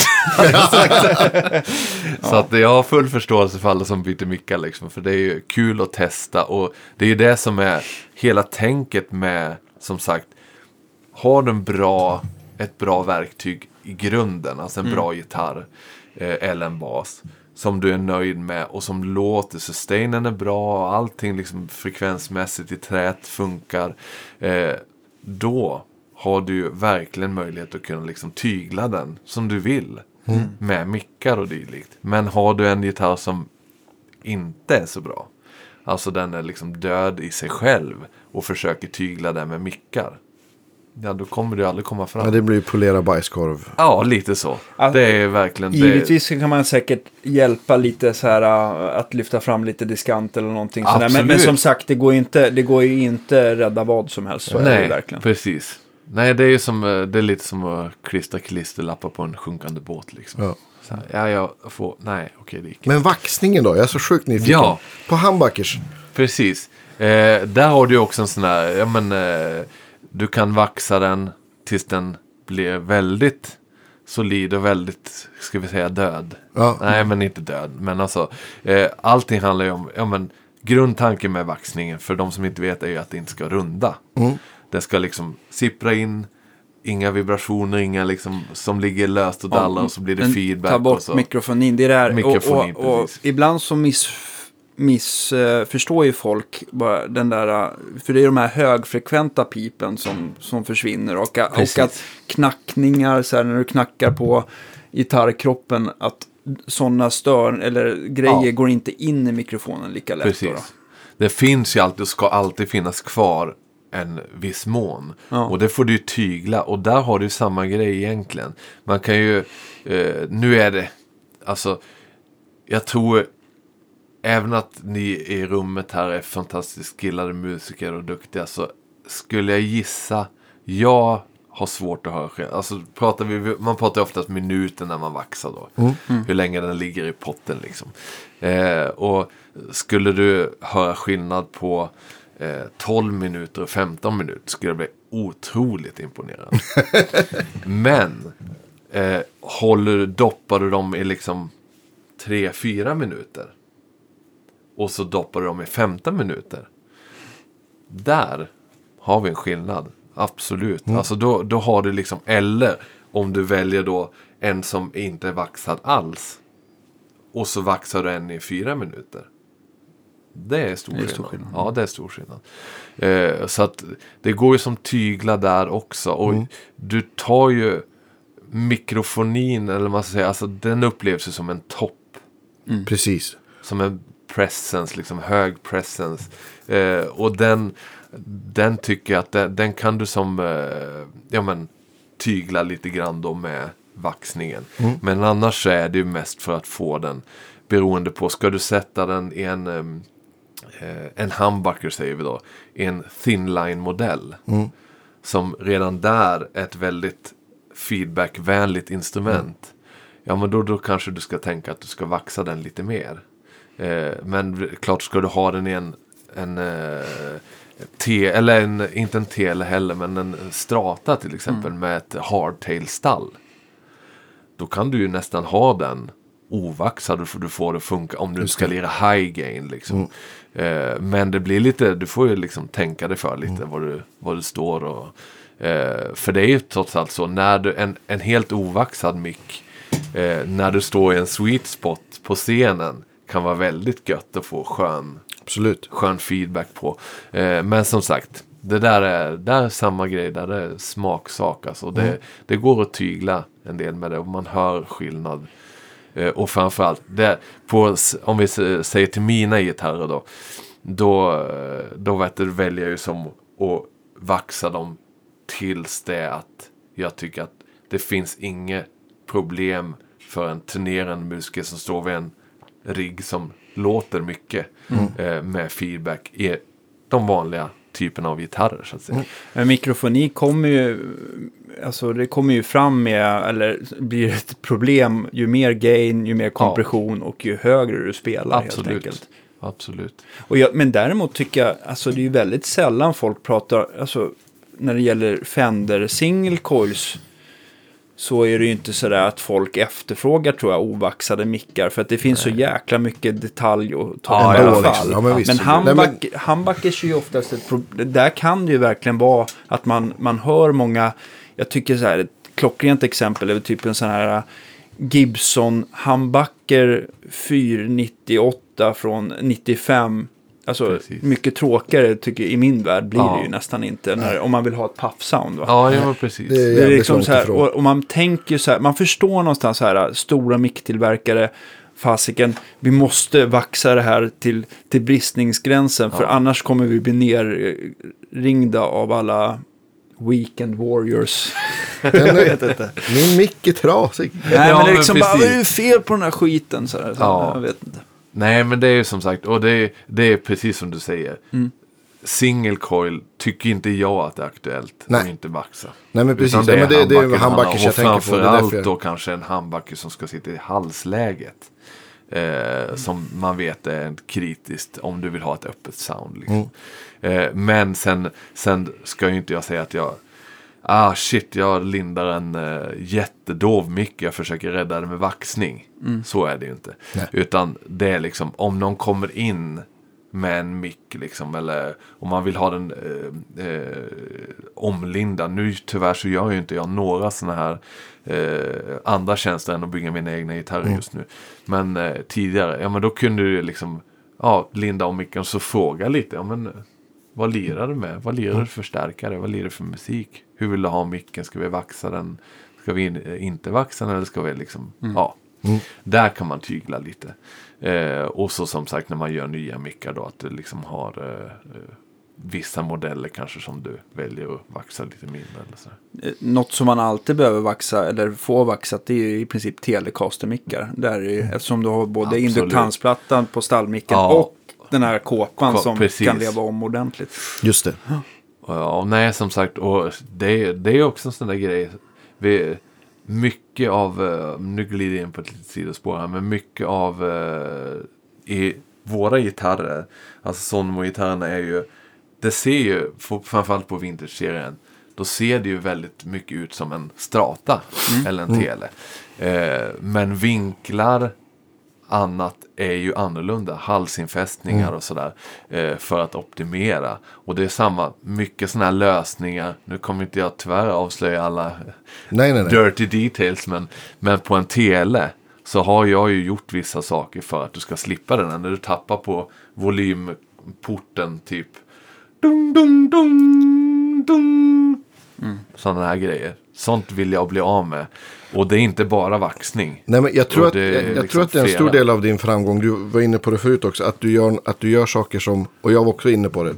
Ja, men att vi är ängsliga och vill att saker ska vara som förut. Men vi vill gärna att det ska, vi vill att det ska se ut som, men vi vill att det ska spela och se, Ja. spela och kännas modernt liksom. Precis. Och det tror jag är din, Absolut. stor del av din framgång.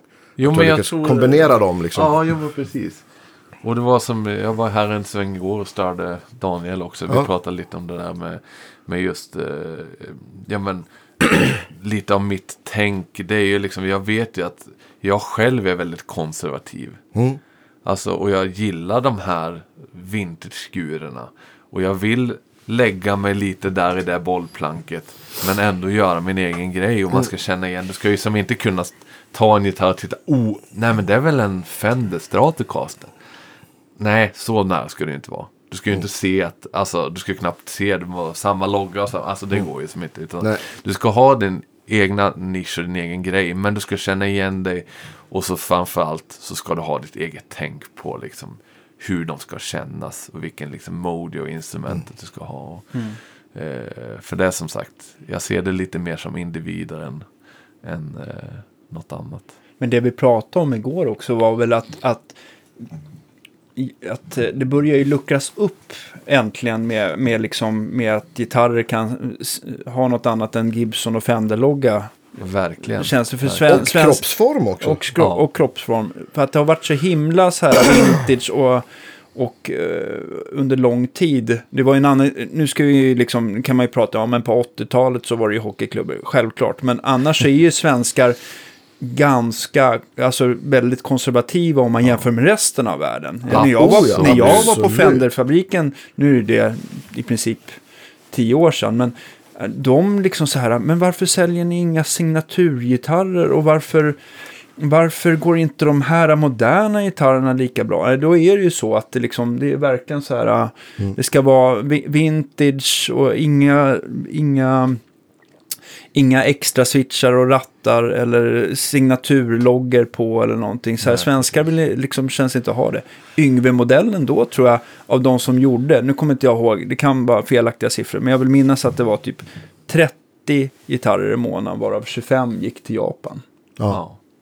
Så det säger ju någonting. Och Absolut. De hade mycket mer försäljning av signaturmodeller typ i Sydeuropa jämfört med och, alltså uppe Ja. i, hos oss. Så det, Jo, ja, men det är definitivt. Alltså det är, som sagt, det går åt rätt håll. Mm. Det gör det. Och det kan ju också, jag menar, jag är tacksam, jag är så otroligt tacksam för att det har gått så bra med, med mitt företag och med gitarrerna och basarna. Det är ju otroligt angenämt, jätteroligt. Och det är ju, så, samtidigt känner man så här lite, ja men det gäller att ha lite flyt. Alltså, du ska komma med någonting som är lite i rätt tid också. Jo, men och det precis. är som, precis som du säger Timing. där. Hade det här varit för tio år sedan. Det hade varit betydligt svårare. Definitivt.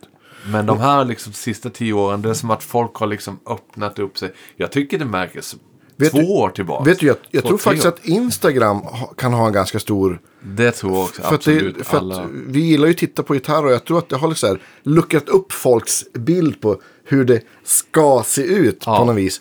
För det, jag, jag följer massa gitarrbyggare på Instagram. Tycker det är skitkul och folk Jo, som gör liksom modiga nya designer och, och även mer klassiska. Och jag tror att det kanske på något sätt har gjort att folk så här, ja men det där ser ju ändå rätt coolt ut. Det kanske vore fränt att ha något som inte ser ut som Precis. en Les Paul eller en Ja. Telecaster eller vad det nu är liksom. Ja, men precis. Det var ju en känd eh, eh, basist jag träffade när jag jobbade på Deluxe som eh, eh, eh, Joel Unge som, som också så här ibland valde lite grann beroende på vad han skulle åka på turné i världen så valde han liksom att, Instrumentet, ja, men så åkte han till Sydamerika, då blev det, jag har säkert berättat det här förut. Nej, men men då, då valde han liksom sin, sin eh, femsträngade mm, butikbas som Ja. var vit med gu- guld, eh, Ja. massa rattar och aktiv elektronik så här. För det, det var liksom Det köptes där liksom. Ja, det köptes Ja, där. precis. Men att här, här är ju folk liksom, det är, de är så här bländade av... av Kom en jazzbas i Sunburst, då är det okej. liksom. Ja, ja men, men här var det liksom så här, ja precis, du tar med dig P-basen som, Ja. som ser ut från, eh, som den har legat i en skyttegrav på. Ja. Nej men det är ju verkligen. Men det är som sagt, det, det går ju framåt där. Alltså det tror jag definitivt. Och på grund av, som du säger, sociala medier. Folk, folk blir utsatt för nyheter. alltså precis. inom branschen där du följer. Och, så att definitivt tror jag att folk får ett vidare, ja en bättre syn, eh, bredd på det helt enkelt. Så att eh, förhoppningsvis så går det, går det åt rätt håll. Jag, jag tänkte på dina mikrofoner bara för att Mm. sista a- avgörande fråga tänkte jag säga. Nej, men, eh, för folk, men, alltså, dina mikrofoner, går de att köpa styckvis eh, och, Ja. eh, alltså, utan att, eh, eh, om man inte har råd att köpa dina fina gitarrer, går det att köpa Precis. mickarna bara? Det gör det och jag håller på med webbshoppen. Jag har fått upp single coils som man kan gå in och beställa nu om man vill. Eh, skickas när jag kommer hem igen. Min bil som har strulat. Får vi se om det blir, blir kväll.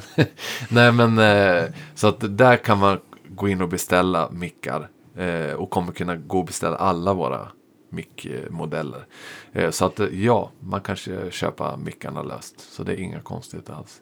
Och där eh, ser man också lite. Och så jobbar jag på en, en, en till sida på min hemsida. Där man ska kunna läsa om alla mikrofontyper.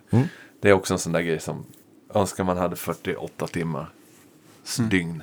Vet hur det känns. Ja, alltså det, man önskar ju. Och jag kan ju säga det också. Eh, sista, lite som vi pratade om växtverk. Alltså, de som upplever att de inte får svar på mail nog fort. och liksom så här, det är ju, jag har ju då, vad heter det, Instagram och så Facebook då. Och så mailen och så sms. Och, eh, och ibland så försöker jag och hinner med. Och, men ibland går det inte. Jag hinner Nej. men jag kan få liksom, ja men som igår. Då hade jag när jag eh, kom ut, eller vad säger jag, i onsdags. Då hade jag liksom 25 eh, meddelanden som jag skulle svara på då. Så började jag svara på ett och sen så fortsätter ju den och ska jag svara på nästa och så fortsätter Ja, Till slut har jag Facebook. 50, Ja, ja. 50 60 meddelanden. Och ibland så tar faller något bort. tid. Ja, precis. Och, eh, Så det är absolut Jag inte igen. av min, att jag är liksom, att jag inte vill prata med alla och liksom ta den tid som det behövs. Utan det är helt enkelt för jag är själv med det. Jag hoppas att kunna involvera min fru mer och mer. i det, Men hon har, vi har ju en nio månader, eller vad säger jag, en ettåring nu då. Så. Och att hon hatar gitarrer. Och att hon hatar gitarrer. och mig. Nej, skämt åsido. Men jag tänker också så här, någonstans måste du eh, kunna trycka på pausknappen och hämta lite energi. Ja. Vad, vad gör du då? Har du något, har du något intresse vid sidan om? Eller, Ja, det eller, eller, eller, är det böcker eller vad? Nej, alltså jag vet det. Jag har läst en bok i mitt liv. Nej, men lite Ja, så. var Eh, Böcker är det inte. Eh, men eh, vad heter det, förutom gitarrböcker då? Radiostyrd bil. Ah, Jag har som, eh, där är min andra nörd. Så jag som har som tävlingsbilar som jag bygger ihop och så kör jag. För, nu i sommar har jag inte kört någonting för jag har inte haft tid på grund av företaget då. Och familj. Eh, men annars så tävlar jag och kör eh, radiostyrd bil och det är sjukt roligt. Coolt. Det är vansinnigt kul. Går i 110 knyckt, vet. Liten Yeah. Eh, vansinnigt kul. Och Va, va, sen... va, va, vad kostar en sån bil för att få liksom lite... Ja, precis. Alltså, eh, För att vinna tävlingar? Typ 15 000 15, ungefär. 10-15 000 beroende på vad man väljer för märke. lika nördigt. Det Vad är man har för precis lika nördigt. Ja, jo, men precis. Precis lika Ja. nördig Ja, hobby Byter du liksom så här, byter du hjul efter Ja, underlag och... Hjulmönster, hårdhet. Ja, det är visst. precis lika nördigt Ja, som gitarr. underbart. Alltså, men jag är inte alls så duktig på det. Som, som jag liksom är på musik. Jag, det här är verkligen en här hobby som jag liksom bara gör för att det är en rensa huvudet hobby. Ja, men visst. Glömma allt annat. Och det är också givetvis att sätta sig och spela gura. Ja. Och nu i det här skedet så sätter jag mig hellre och sjunger och övar på att liksom sjunga och spela gura. För Du sjunger jättebra. Jag har ju sett klipp där du... tack så jättemycket. du, du, du är väl sångare i ett band till och med? Ja, i Ja. två band nu. Två band ja, till och med, ja. Så att, eh, men eh, det är som sagt väldigt, väldigt skojigt att, att göra något nytt. Alltså för jag är ju som, jag har alltid sjungit som en kratta. Så att jag försöker öva upp mig och få en hyfsad stämma så att säga. Mm. Så det har blivit en eh, grej som jag sitter och kompar mig själv och sjunger lite. Och, ja, försöker. Mm. Så att det är väldigt kul. Så de två hobbyerna, ja men musik och radiostyrda bilar. Mm. Det som försvinner, gör, gör min dag när jag inte pillar med gitarrer. Jag misstänker att du kanske lyssnar på musik då du bygger ibland också. Det händer ju. YouTube går ju typ så här dygnet runt i Ja, verkstaden. det kan jag tänka mig. iPaden på eller, ja, Ja. Det, eller Spotify. Och, så att det är ju extremt mycket musik som går i lurarna. Definitivt. Och det är pält och lurar instängd överhandsfräs i händerna. Så, Ja. ja, det är Ja, en stämning. Mycket.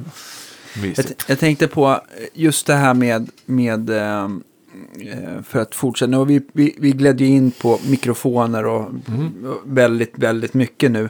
Men jag kände också så här andra saker som du tycker eh, är direkt avgörande för att dina gitarrer ska bli bra. Är det, är det mest, ja, vi kan ju prata träbitar och sånt där, men, men ehm, ehm, är det val av trä eller är det lackningen eller mängden lim och um, halsarna? Vad, vad, vad känner du? Där är jag ju också sådär rolig då. En del, jag vet inte om en del uppfattar mig som bara vilken dryg jävel." Men där, där får jag ju säga Jag upplever återigen. inte dig. Där får jag säga återigen att allt är ju enormt viktigt. Jag säger Ja. nog att allt är lika viktigt. Mm. Eh, för det är ju alltså träbitarna som du väljer, men där har du liksom starten. Mm. Och jag är, Råvara. berättade på, det finns ju en stream, Discos till Eleven som jag var på i onsdags då. ja. Eh, och hade en workshop eh, slash clinic eh, kväll där. Eh, där fin- det streamas ju så det kan man lyssna på också om man skulle vilja det. Mm, absolut. På det, deras hemsida. Men där pratade jag också om det här och vikten på träbitarna. Jag väger ju alla träbitar liksom och skriver upp och eh, har koll på precis vad. Ja men ska jag ha den här träbiten till det stallet? Ska jag ha ett stålblock? Ja men då diffar jag ner lite, tar en lite lättare bit kanske. Eller ska jag ha det här, den halsen, det träslaget. Och jag är verkligen så jag sitter. Det är inte bara att jag säger okej. ja, han beställde en eh, Sonnemo Master ST. Okej. Här flammig bit, här är den och den. Och så bara smack. Utan jag går ju verkligen liksom och där. Har jag- Kling, kling, kling. Jag har en konstig fråga. Så, men kan man säga, om man säger knacka på dem, kan man höra så här, ja, men, att den låter så här, du, du, du, och så knackar man på en hals och så låter den också. Ja, du, precis. eller du, Du kan, du, kan ju välja lite faktiskt. Alltså i jag, jag vill, ha, samma jag vill ha liksom... en kvint mellan hals och kropp. Har någon sagt det? kan jag få en durtärs? Ja. eh, nej men alltså det är ju vad heter det. Eh, det går egentligen inte att få en på det är tre toner. ja, eller hur blir det? Nej, det är två toner. två toner. Grundton och dur. Ja, Ja. treklang. Treklang, precis. Eh, nej men eh, hur som helst. Eh, det är ju liksom, du kan ju välja som sagt bitar som passar ihop. Och det är ju det man måste göra. Ja, det Eh, måste vara en stor Får del du av... liksom en kropp som låter... dong, Alltså, nu är det inte så många kroppar som låter så, men... Och så har den sån här... Nej, men Det är ju jag, inte jag bra. antar ju att ju högre pitch, desto eh, liksom eh, mer densitet och att den kanske är lite tyngre biten. Ja, kan man säga precis. så? Och kan, sen Alltså så, så- givetvis materialet, är väl Materialet, också... hårdheten är ju väldigt stor. Alltså, du kan ju ha en riktigt tung bit, men den är ganska... Eh, ska vi säga poröst trä, för att få det lätt att förstå. Och poröst, kan det vara då Corina och, eh, Ja, och precis. mahogny, Alltså mycket ceder? luft i. Ja, ja precis. Balsaträ. Eh, Abalsata, ja men verkligen. Alltså det är liksom ett väldigt le- lätt trä. Så kan du ha ett väldigt denst trä som är liksom väldigt hårt och väldigt kompakt och lite porer. Och de låter ju olika fast de väger samma. Och då Alltså. tänker vi på Ebenholts till exempel. Ja, kanske. exakt, precis. Nej, så att där har du som, eh, du får ju som välja, eh, välja bitar utifrån det. Så att där, där är det ju en, en djungel. Alltså, Och där finns det samma sak, inga rätt och fel. Utan du får ju gå på, och det är väl det som man får lära sig med åren. Trial and error. Är, men är det några så här, eh, det finns ju en, en uppsjö givetvis eh, tonträ till, till elgitarrer. Eh, är det några så här som du har liksom med tiden ändå så här, du har försökt med men du känner att fasiken, det blir aldrig som jag vill ha det.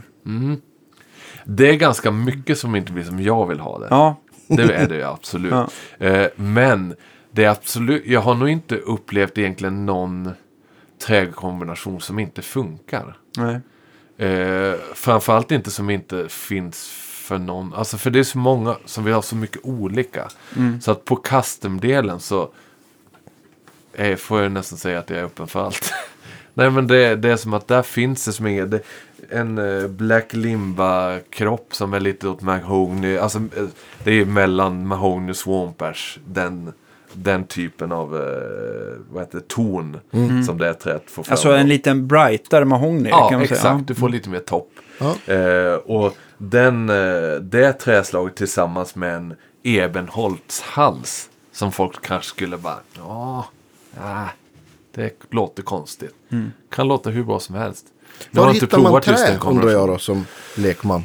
Det finns ju jättemånga olika. Där har du också samma grej. Så jag kommer ju inte gå ut, ja jag beställer från... eh, Nej, Nej, men det Men, finns ju speciellt... Det finns jättemycket, alltså det finns ju ett, för de, många beställer från till exempel, eh, nu får namnet, ska se, eh, i Tyskland. Espen heter de. Eh, där finns det, där kan ju vem som helst beställa ifrån. Det är inte så att du måste beställa jättemycket ifrån. Och sen har ju, jag menar GMF och eh, alltså många Gitarrdelar gitarrdelar, ja. precis. Så det finns ju för, men för tillverkare, eh, om man vill liksom ha riktigt bra tonträ, det är ju det är en, en prövning. Alltså, optimalt vill man känna och lukta på bitarna och knacka ja, liksom. Eller ha en enormt bra relation med dem man köper Just det. Som i det här fallet har jag lyckats få upp med åren då en fantastiskt bra relation med dem som jag köper trä ifrån. Eh, och det är så att jag får handplocka precis vad jag vill. Jag får sätta vikt, jag får sätta de skickar foton. Du slår på Facetime bara så pekar du. Facetime. Ja. Och vad heter det, det är liksom, ja men jag kan, jag kan få verkligen välja och vraka. Och det är ju det som, det kunde jag inte första. Det är ju också en sån grej som, ju bättre, ju, ju mer eh, gitarrer jag bygger, desto större krav får jag, krav får jag på mig själv. Eh, och på byggena jag gör. Och därav också letar jag ju nya möjligheter och har hittat väldigt bra, sista, samma sak de sista två åren har jag haft jättemycket mer möjligheter att hitta de perfekta bitarna. Eh, och därav blir ju gitarrerna bättre och bättre och bättre för varje år. Eh, och jag hoppas att det märks också. För det är ju som sagt, det, allt sånt, man slutar aldrig. Jag kommer aldrig tycka, och jag säger det, det kan ju låta jättekaxigt, ja, men, eh, jag kommer nog aldrig vara nöjd helt med en gitarr. Utan jag kommer alltid tänka att jag kan göra någonting lite bättre. Ja, men eller det, lite jag, annorlunda. jag, jag tycker jag har helt rätt attityd.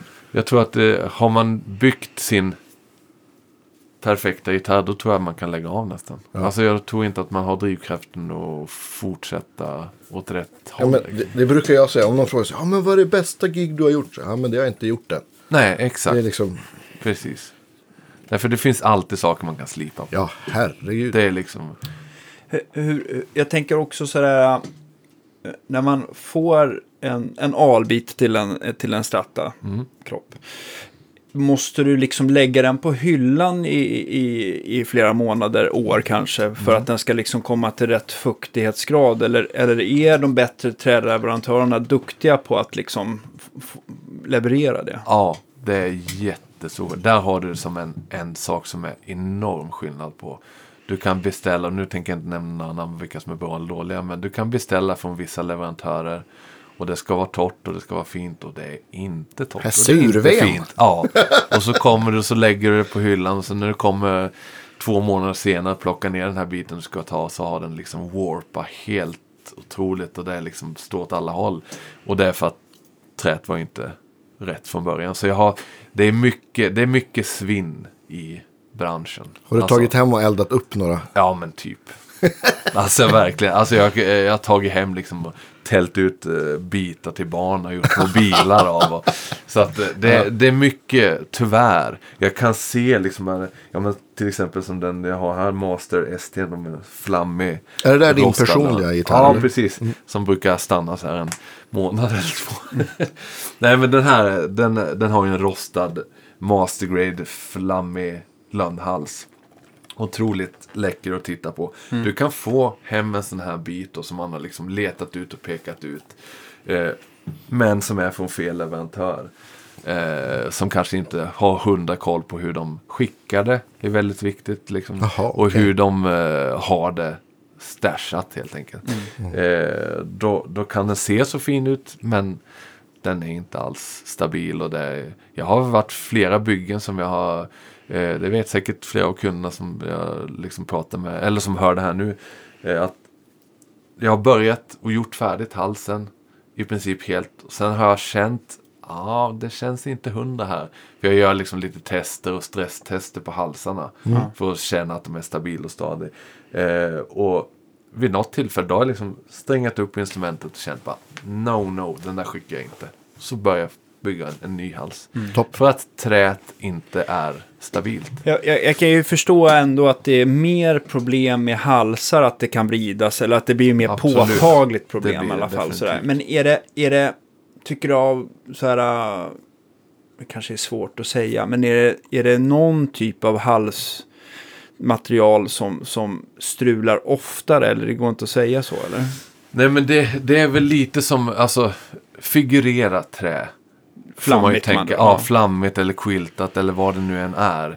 Bird's eye eller ja, det finns ju jättemånga olika. Men där får du tänka till extra.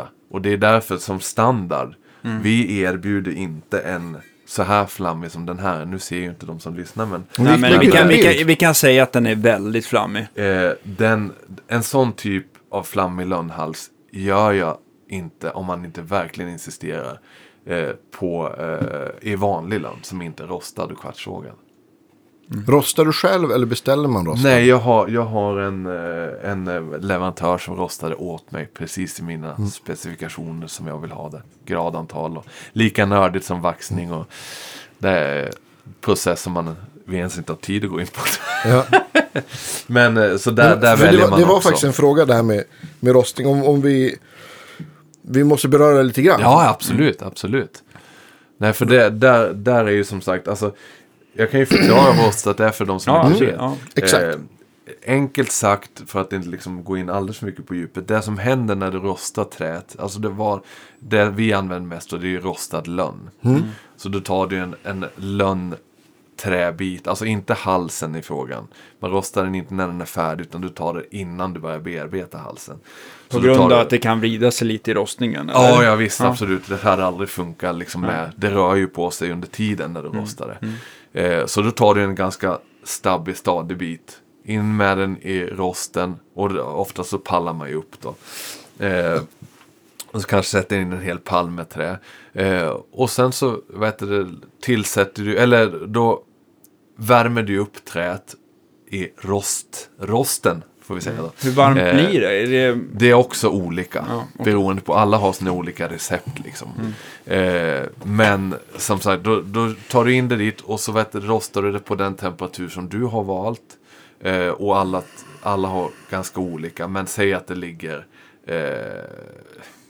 Nej, det är svårt att gå in på var det kan ligga. Det är, det är som sagt väldigt olika. Men det är över 35 grader i alla fall? Det är det. Ja, ja. Det är det, så mycket kan vi säga. Är, är det bastuvarmt eller? Ja, nej det är betydligt varmare. Okej. Så att, eh, men hur som helst, då, då tar du, det som händer då när du rostar det, det är att fibrerna i träet drar ihop sig och kollapsar liksom. Så att då, de, de vet det, drar ihop sig så mycket som de kan vid första partiet. Och sen så tillsätter du fukt. Då andas de, släpps upp lite igen och vidgar sig. Och så drar det åt igen, stryper fukt och luft och alltså det är vakuum. Eh, och så vet du gör du så några gånger tills att det inte kan dra åt sig mer. Du kan som inte svälla det mer, du kan inte dra åt det mer. Eller du kan, du måste stanna, du kan inte dra åt det hur mycket som helst. För att då kommer det bli så sprött så att det funkar inte. Utan du måste stanna på rätt punkt. Men när det är så pass tajta eh, i, i grainen så att säga, i, i träets fibrer. Kan man så säga det att, inte man, kan- att det är som att härda stål på något vis? Nej. Nej? Nej, alltså, Härdning är nog tvärtom. Det är, Är det tvärtom? Då, då, eller man värmer väl upp fast man kyler det snabbt. Ja, exakt. Aha, okej. Nej, så att det, men som sagt, det, så det som händer egentligen är ju precis det som händer med ett vintageinstrument som har varit i 50 år. Ja. Det är det att ja, men det utsätts för fukt, det drar ihop sig, torkar, utsätts för fukt, torkar, utsätts för fukt. Tills det att det inte... Det är så torrt. Men är det mest halsar man rostar eller kan man rostas Man kan kroppar också? Eller? Det, det är mestadels som vi använder hals, men det är, du kan rosta al och ask och Ja. allt möjligt. Så att, Men för det har jag för mig att jag någon gång läste att, jag menar att, vad heter han, Juha Rukanga har någon sån, ja, absolut. sån liksom Han har variant. termotreat eh, Ja, just det, kanske och är det är samma annat. sak. Det är same, ja, Ja. okej. Ja. Alla gör ju som sagt, alla, det är inte samma sak riktigt, för alla gör lite olika. Och alla har sina hemliga recept. Lite Han, som han är ju finne så han sitter och bastar med sina Ja, exakt. Ja. Säkerligen ta en öl. Jag kunde inte låta bli. Nej, men som sagt, så där har du ju, det, det är som grunden med det. Och det som händer då, det är att det blir hårdare, det blir lättare, för du har ju fått ut mer fukt ur träet. Så tar du en, till exempel en rostad ask eller albit, ja men då kan du få ner vikten ganska bra med, med det att du får det så torrt. Eh, så att, eh, och så blir det som sagt hårt och stabilt. Eh, så för halsarna så är det ju väldigt bra. Det är inte lika nödvändigt. Jag ser det nästan lite nödvändigt också. Om jag får välja med rostat. Jag rekommenderar alltid rostat. Om man, framförallt om man är ute och spelar och turnerar. Och, för det är väldigt stadigt. Så att det är liksom eh, där. Och då med stadigt så får du också mer vibrationer. Bättre ton. Alltså du får... Resonans. Det, det, resonansen blir bättre. Eh, om De man där nu gitarrerna gillar var ju otroligt resonant. Ja men precis. Det, Det- som... Det som rostningen ändå ger om man, om man liksom så här rent estetiskt är att man får nästan en, en, en lönn som är ganska ljus träd så Ja. blir det ju relativt mörkt va? Absolut. Inte som Rosewood men, men alltså det Ja men blir det ju- går att få det som Rosewood nästan. Eh, och det är ju det som är, vi har ju tre olika. Light, medium och dark. Mm. Eh, och det är ju liksom, eh, ja men hur mycket karamellfärg eller man ska säga du vill Mm. ha. Så den här som vi har här nu det är en medium roast. Eh, och den är ju, ja men som man ser då, det är svårt att se ljuset men, men eh, den, den är ju som, vad ska vi säga, Ska vi dra någon jämförelse vad den kan likna som. Men, Det är ja. mellanrostat kaffe. Ja, mellanrost och kaffe. Ja, men precis. Nej, men så den, den är ju som rost. lagom. Och det är som på vintage-serien till exempel så förlikar sig de flesta med en light roast. För det ser nästan ut som en gulnad liksom. eh, Klarlack. Ja, klarlack. Så att där, där gillar de flesta en eh, light roast liksom. Men eh, på, eh, som den här masterserien, men då kan det vara effektfullt med en medium eller till och med en dark roast då. För då får du som en annan modernare look sådär. Så att, eh, men som sagt, och det finns jättemånga olika sätt att rosta på. Vilka grader och vilken procedur. Om du tar liksom hur länge du håller på. Och Samma med att torka träd. Vi torkar en hel del av träet själva också. Och det är också en procedur liksom. Eh, hur, hur man ska gå tillväga. Hur mycket fukt du tillsätter under hur lång period. Är det två veckor, tre veckor, fyra? Alltså, så att det, det är som sagt, det finns väldigt mycket, mycket olika metoder. Och hur man går tillväga. Jag- Jag tänkte på, du pratade ju förut om att al var ett ganska neutralt klingande träslag. Om man då vill ha liksom någon gitarr som är relativt bright, är det ask eller finns det andra träslag som man också kan tänka sig? Där är också samma. Då får du ta beroende på vilken hals man ska ha. Och vilka strängar. Ska du lira 13 strängar eller ska du lira 09 eller ska du lira vilka, vilka mick, funkar. Eh, där är ju, det är ju där jag blir sådär jobbigt och... Ja, ja, precis. Man får parera. Det beror på, vänta nu. Vad ska du ha för mickuppsättning på den? Vilket stall ska du ha? Eh, så det går heller inte riktigt svara på på ett lätt och smidigt sätt. Men, men al kan vi säga att det, som sagt det är väldigt neutralt. Det är Volvo. Ja, jo men alltså verkligen det, det funkar. För det mesta. Du kan ha liksom en eh, HSS-skura med en uh, alkropp och en uh, mahognyhals. Eh, det, är liksom, det, det tar det mesta. Alltså det, det, det sticker inte ut, det liksom pikar inte i eh, toppen. Det pikar inte i midden eller basen åt något håll egentligen. Den är ganska rak kurva på.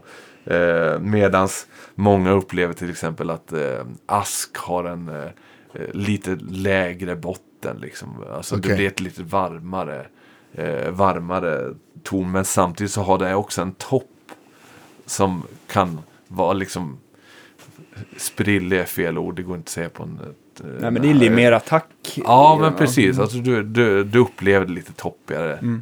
Så att den har både en annan bas och liksom låg mid eh, karaktär än vad en Men får, al-kropp har. men får en tonkurva som påminner lite mer som en glad mun än, än Ja, ja men precis, exakt. Du, du har liksom en... eh, Ja, nej den är inte rak, det tycker jag inte. Utan, Och eh, är, är då mahogny tvärtom att den har en, en ja, den är lite mer middig liksom. Ja. Så att eh, den blir lite surmun.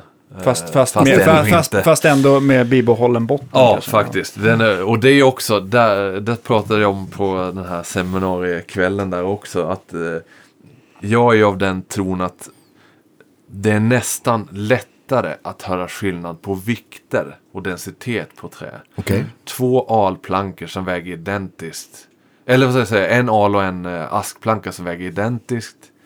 Är ganska lika i karaktär. Eh, du, liksom, då hör du större skillnad på en alplanka som väger, eh, säg att kroppen väger 1,7 kilo. Eller 1, om vi tar 1,5 kilo. Eh, och sen så Som är väldigt lätt. Ja, som är väldigt lätt helt enkelt. Eh, och sen har du en som väger eh, 2 kilo, 1,9 eh, eller 2 kilo.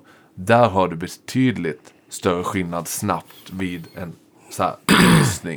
Men sätter du det i en studio och spelar in, ja, men då hör du ju träets karaktärer väldigt bra. Men vikten är väldigt... Kan man säga något generellt om, om lättare och tyngre vikt och ton?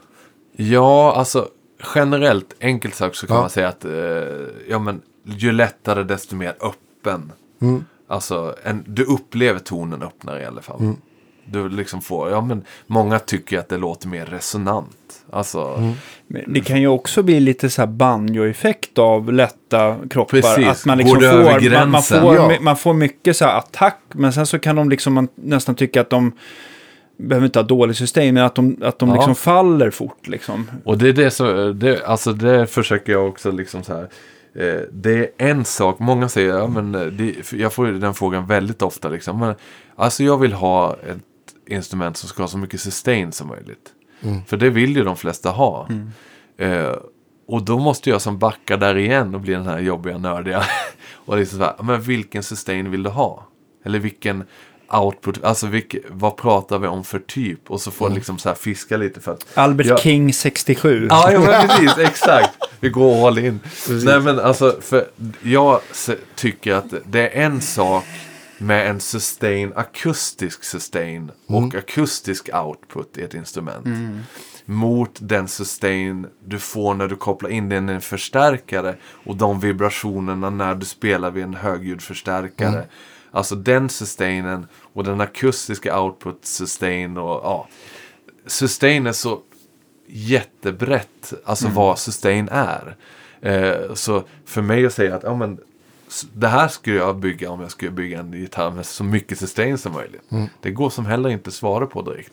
Utan allt beror på. Och sen, eh, men, men som sagt, generellt så, du får en öppen och mer, det är som, eh, lite som vi pratade om med chamber. Jag menar, du får en akus, eh, akustiska gitarrer är ju ihåliga av en anledning.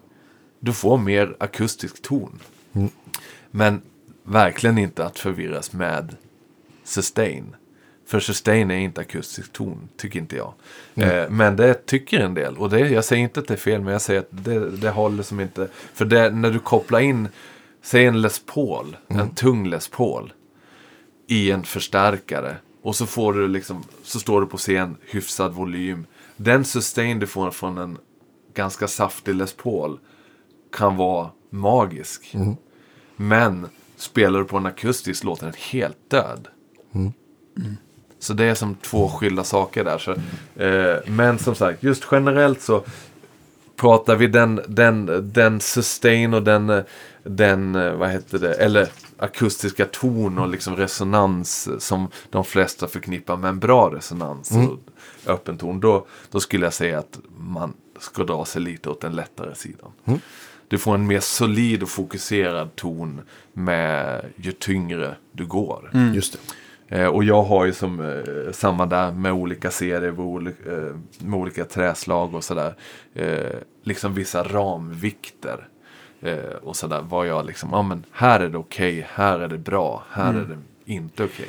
Jag, jag kan känna för egen del att alltså för eh, eh, 10-15 år sedan så var jag nog mycket mer angelägen om att gitarrerna skulle vara lätta och resonanta.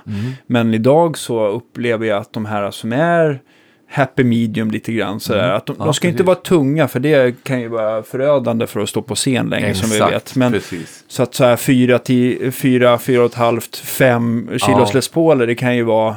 Det är Ja, jobbigt. det, ja, det är inte... set Det är inte på den där. Ja.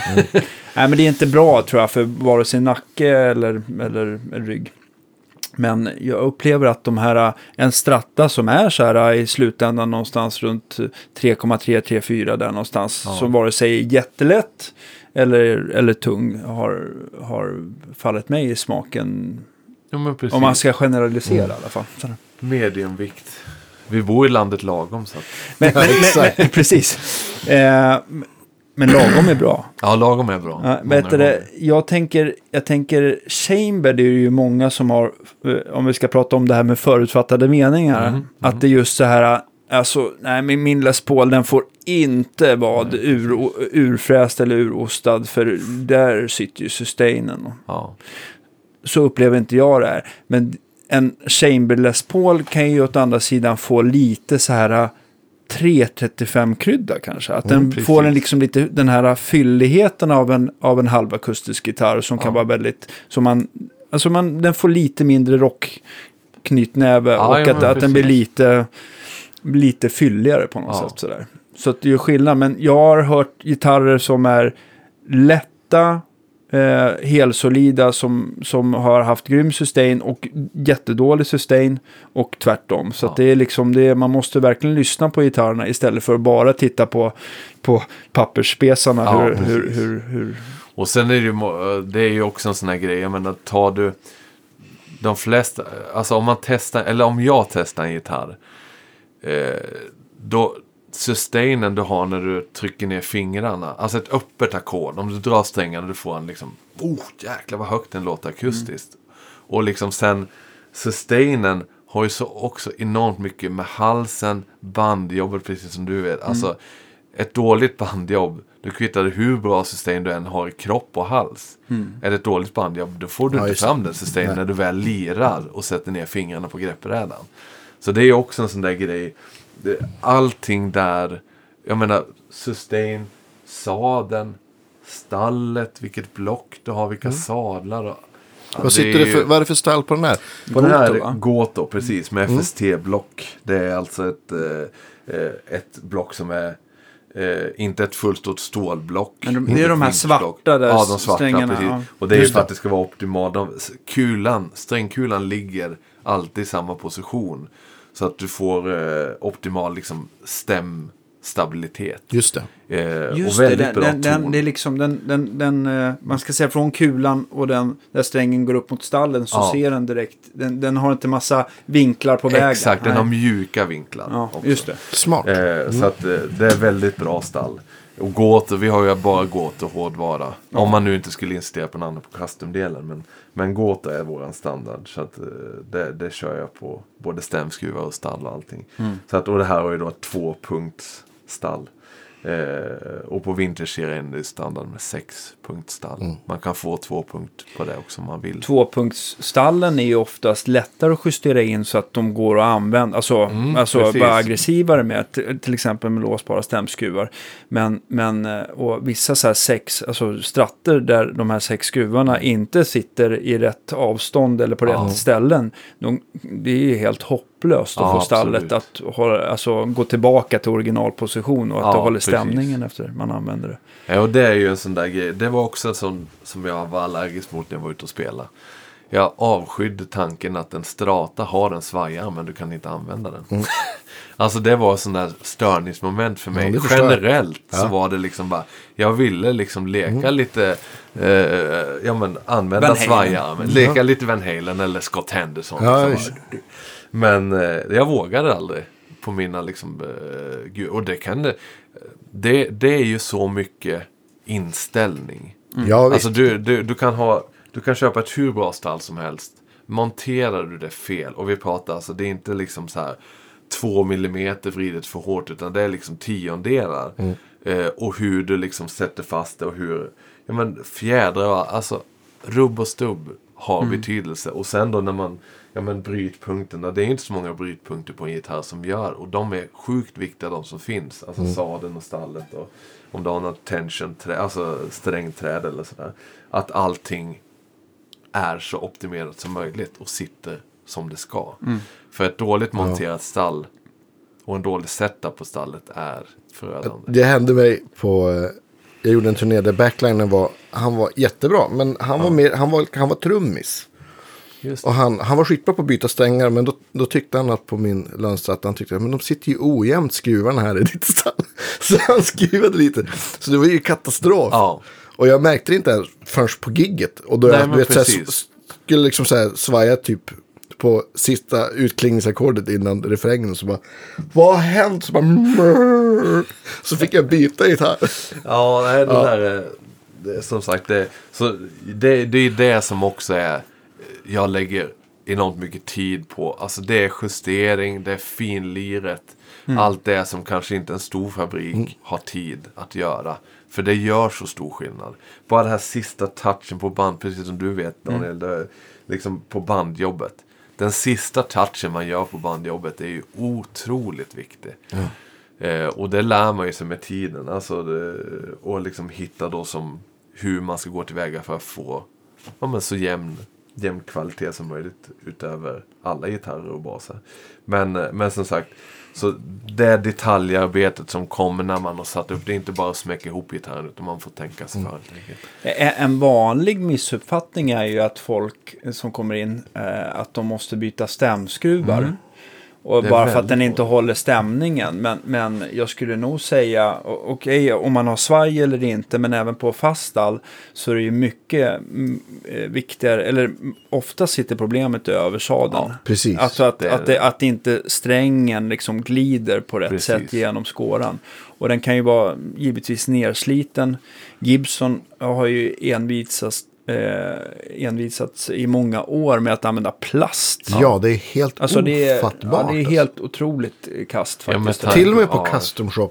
Alltså, Ja, det gjorde de det. Ja. Alltså till nyligen. Nu Kanske har, de, inte nu har nu, de ju använt, nu har de på senare år använt nylon som ett ganska hårt, det är väl hårdare, men det är framförallt ett halare material Ja, precis. Som har funkat bättre. Eh, Men eh, nej, det är, att byta det till någonting annat av Ja. bättre kvalitet gör ju jätteskillnad. Både, Absolut. både egentligen för ton och att det håller Ton stämningen. och, ja, precis. Ton och stabilitet i stämning är jättestor skillnad. Vad har du för standardmaterial i översaden? Eh, jag har de här task över sadlarna. Och det är, de, det, är- det är nästan det som där det glider, Ja. glider lättast så att Precis, säga. Mm. och det är samma som de flesta seriösa som används, typ Sir och Tom Anderson. Mm. och Mycket som är, Mm, när man inte använder ben så de flesta går till task. Men vi, det är samma där, det är på seriegitarrerna. Vill man ha ben över sadel så får man ju det på custom-delen då. Vad kör du för strängar då? Har du någon? Eh, Elixir 1046 är Ja. standard. Det är, värt, det, det vi är värt det med, om det ska hänga uppe på en butiksvägg så Ja, är elixiren trevlig. Verkligen, Ja. verkligen. Och så, eh, jag gillar Elixir själv så det har blivit att ja, men, Mm. Man, Har, man har du favoriserat, för de har ju gjort, de har ju haft den här nanowebb-lösningen Ja, precis. länge som är lite, som folk kan tycka är lite hal. Ja, Men de har ju precis. kommit med den här, Gröna, vad heter den? ja vad heter den nu då? Optiweb, va? Optiweb, ja. precis. precis. Ännu det satte tunnare. jag på hela Discoast 11-leveransen där. Mm. Eh, med Optiweb. Mm. Eh, och kört det på ett gäng här. Och jag tycker båda är lika bra. Alltså just stabilitetsmässigt, stämningsmässigt och eh, ingen av dem som går av lättare än den andra. Vad jag upplevt i alla Nej. fall. Men, eh, men som sagt, det är ju smaken. För de, de känns inte alls lika hala. Du känner mer... Det känns Alltså, lite ja, precis. vanligare kanske. man Ja, kan- lite vanligare. Lite som ett Diadario-set liksom. Eller Dadario-set. Mm. Eh, så att eh, vill man testa dem och, och inte ha gillat eh, vanliga, vad, vad sa vi nu? Ja, nanowebb. Nanowebben, Ja. precis. Då eh, kan man nog tycka att de är trevligare att lira på. Men jag, jag gillar ju det. Jag blir ju tvärtom när jag kör eh, ej-coatade strängar. Mm. Att jag tycker att jag fastnar liksom. Ja, För jag har kört sedan eh, ja, 15 år på Elixir. Sen Ja, de kom. Alltså, det, jag förstår att folk gillar soundet, men, men det finns ju så här koboltsträngar och uh, st stainless steel. Alltså det är så strävt så att det liksom, Mm. Ja. man känner, Mm. eller jag har ju också så här gillat mycket elixir och, och Ja. även Di- Diadaria, men även en, alltså en vanlig nickel-silversträng, den är ju ändå, den går ju att hantera. Men just det här Absolut. stainless steel-känslan, Ja, när det. bara känns som att man har fått någon konstig Ja, sandpapper. det är verkligen. Nej, strävt. Men det är som sagt, det är, smaken är som baken. En annan så här, som vi pratade om lite grann igår. Du har ju utvecklat ditt eh, lack, eh, lacksystem och eh, investerat eh, en och annan krona i att få det att funka optimalt. så där. precis. Hur, hur eh, om vi bara pratar om gitarrlack så här, är det uteslutande cellulosa eller kör du även tvåkomponents och Precis. akryl eller hur? På Vintage-serien, de som är Relic, eh, då kör jag bara cellulosa. Mm. Eh, och det är ju för att en Relic på en eh, tvåkomponentslack är inte optimalt. Nej. Det går att göra det så att det ser, det ser schysst ut. Eh, men du kan ju inte cracka en tvåkomponentslack till exempel. Alltså så att du får cracks. Utan då måste du göra det på fake-vägen så att säga. Och det, jag, jag vill inte jobba så, så jag försöker hålla mig borta från det. Eh, men eh, eh, så på, eh, det är cellulosa på alla vintage-serien. Och eh, på Classic-serien då som är den samma gitarr fast utan relic. Eh, då använder vi en speciell tvåkomponentslack som vi har hittat åt efter mycket om men som är den blir stenhård, man kan lägga den väldigt tunt, väldigt fint. Eh, och få en jättefin finish på. Eh, och så blir den stenhård. Den blir inte så många, eh, det, ja men typ polyesterlack blir också stenhård. Alltså det som liksom används på Fender Mexico. Och, och, men du kan, det är jättesvårt att hantera den och du får ens inte köpa in den heller. Det är liksom, okej. ja. Men eh, Är det på grund av att den är giftig eller? Ja, den- vissa är ju det. Alltså, du får inte, vi får inte ta hem det som finns i, i, Asien till exempel. Nej. Som de doppar och får en high gloss på två minuter. Liksom. Eh, så den, den, eh, den världen finns inte riktigt här för, för oss nu. Men, Nej, men- men som sagt, den, den som vi använder då, den kan man lägga väldigt tunt och väldigt fint och få den ytan du vill ha. Eh, och så blir den hård. För Mm. det är så på alla gitarrer oavsett. Någonting som är mjukt på en gitarr är inte bra. Det ska vara hårt och liksom, alltså. Eh, för allting tar ju, stoppar ju. Hårt och lätt kanske. Mm. Hårt och lätt, ja men precis. Eh, I alla fall i min smakvärld. Eh, det är samma, en del, en del tillverkare har ju liksom, eh, där man fräser ut för dragstång. Så Mm. kan man lägga ja, men, silikon och grejer för att få, om du har en, en väldigt rak hals och du inte aktiverar dragstängen åt eller Kan den skallra kanske, ja. Då kan det skallra. Och då löser de det med att köra i lite silikon eller något liknande mjukt material för att stoppa vibrationen. Men där kan jag Men tänka mig att det dödar. Det dödar enormt mycket. Så att eh, det, det, då får man fräsa en tight ficka istället helt enkelt. Och det är mer jobb och liksom hitta rätt dragstänger och liksom sådär. Men jag tänker på dragstänger där, det finns ju egentligen eller det finns väl massa varianter, men Ja. om man tittar på två läger dubbelverkande, eh, singelverkande Mm. där. Alltså, jag tänker Gibson och gamla Fenders är väl mycket Ja, singelverkande. precis, precis. och moderna Fender och Ibanez och Jackson antar jag är mera dubbelverkande. Ja, va? precis. Det, Eh, eh, har, är, påverkar de olika ljudet mycket? Eller, ja, alltså, eller är det, mer finns- hur man sätter dit dem? Alltså grejen är det finns så, som, precis som du säger, så enormt mycket dragstänger. Ja. En del är tunga, en del är lätta, en del är breda och en del är... Alltså, eh, så allting beror ju på vilken modell du väljer. Mm. Och sen att du ska installera den korrekt. Alltså på ett så bra sätt som möjligt. Mm. Och för mig så är det alltid lite så här i halsen framför allt. Att ta bort så lite trä som möjligt. Men få så stabil hals som möjligt. Mm. Så du får hitta medelvägen där. Eh, lagom tjock dragstång, lagom stadig. Den får inte väga för mycket. Eh, men den måste ändå vara så stabil så att det inte ska påverka. Du kan ju som inte sätta dit en fjädervikts eh, dragstång och så hoppas att den ska hålla. Du, du vill ju att det ska liksom vara stadigt. Och där, eh, vi kör ju dubbelverkande dragstänger bara. Och alltid huvud, headstock justering. Eh, och där, där är liksom, vi har valt den som, ja men, den tycker vi funkar suveränt. Och det är med häx, inte eh, någon eh, ja, men vanlig insektsnyckel. Liksom. Eh, så att, men det finns ju olika storlekar och olika som sagt. En del är U-formar, en del är fyrkantig i botten, en del lägger du liksom på Ja, det finns jättemånga olika. Beroende på hur du ska installera dem helt enkelt. Men eh, det är samma grej där. Det är en liten, eh, liten djungel med allt sånt. Vad man vill få ut av det och vilka halsämnen man använder, vad som passar vad. Så att, eh, men som sagt, dubbelverkande, det rekommenderas ju. För en turnerande musiker så är Ja, det bäst i test. Ja. Då kan du ju rädda den åt båda håll.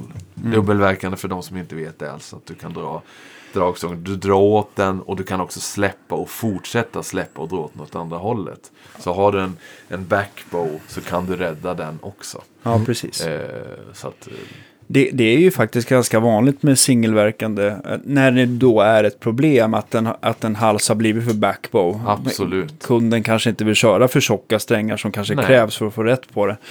Och då med singelverkande och du släpper en max och den är fortfarande backbow så, så, så, så går det väl säkert att värma och fixa. Och du kanske får ordning på det men det är ju inget problem här med, Där har jag en fråga. med, med dubbelverkande. Är det då sämre om man då har, har släppt dragstången helt, att det inte är någon spänning i halsen?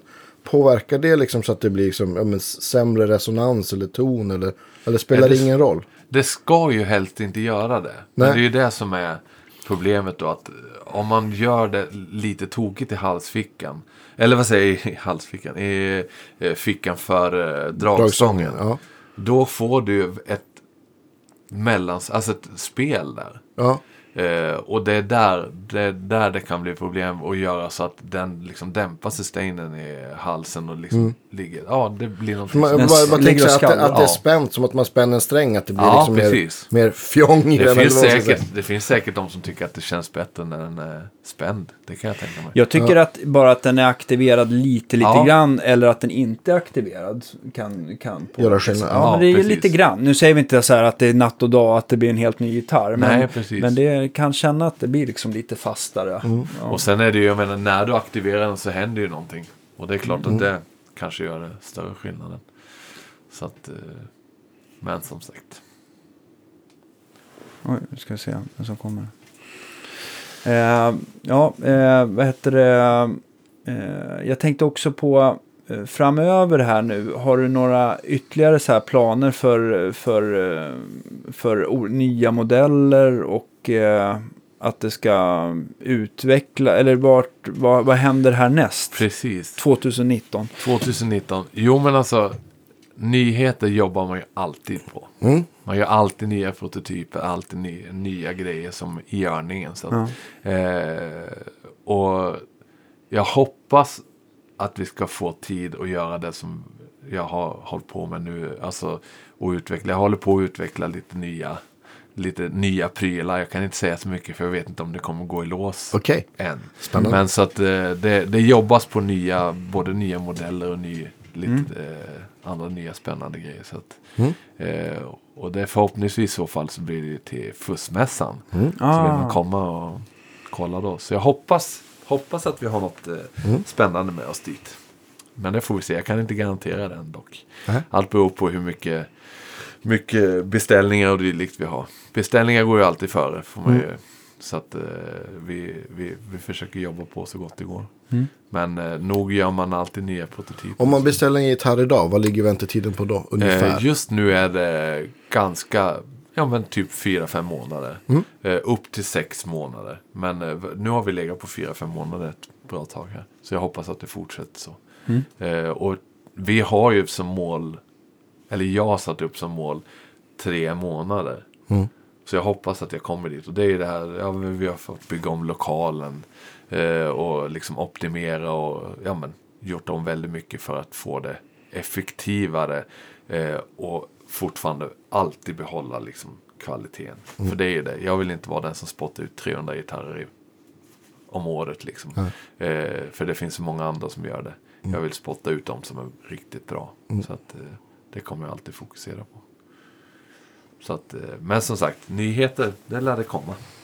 Frågan är Spännande. bara när. Ja. Ja, Nej, men jättekul eh, att, eh, att, eh, du vill, att vi fick till den här podcasten. Ja, och, och, och, verkligen. ehm, Superkul. jag känner, jag står och tittar på din gitarr och funderar på vad är det vi inte, vilken sten har vi inte lyft på?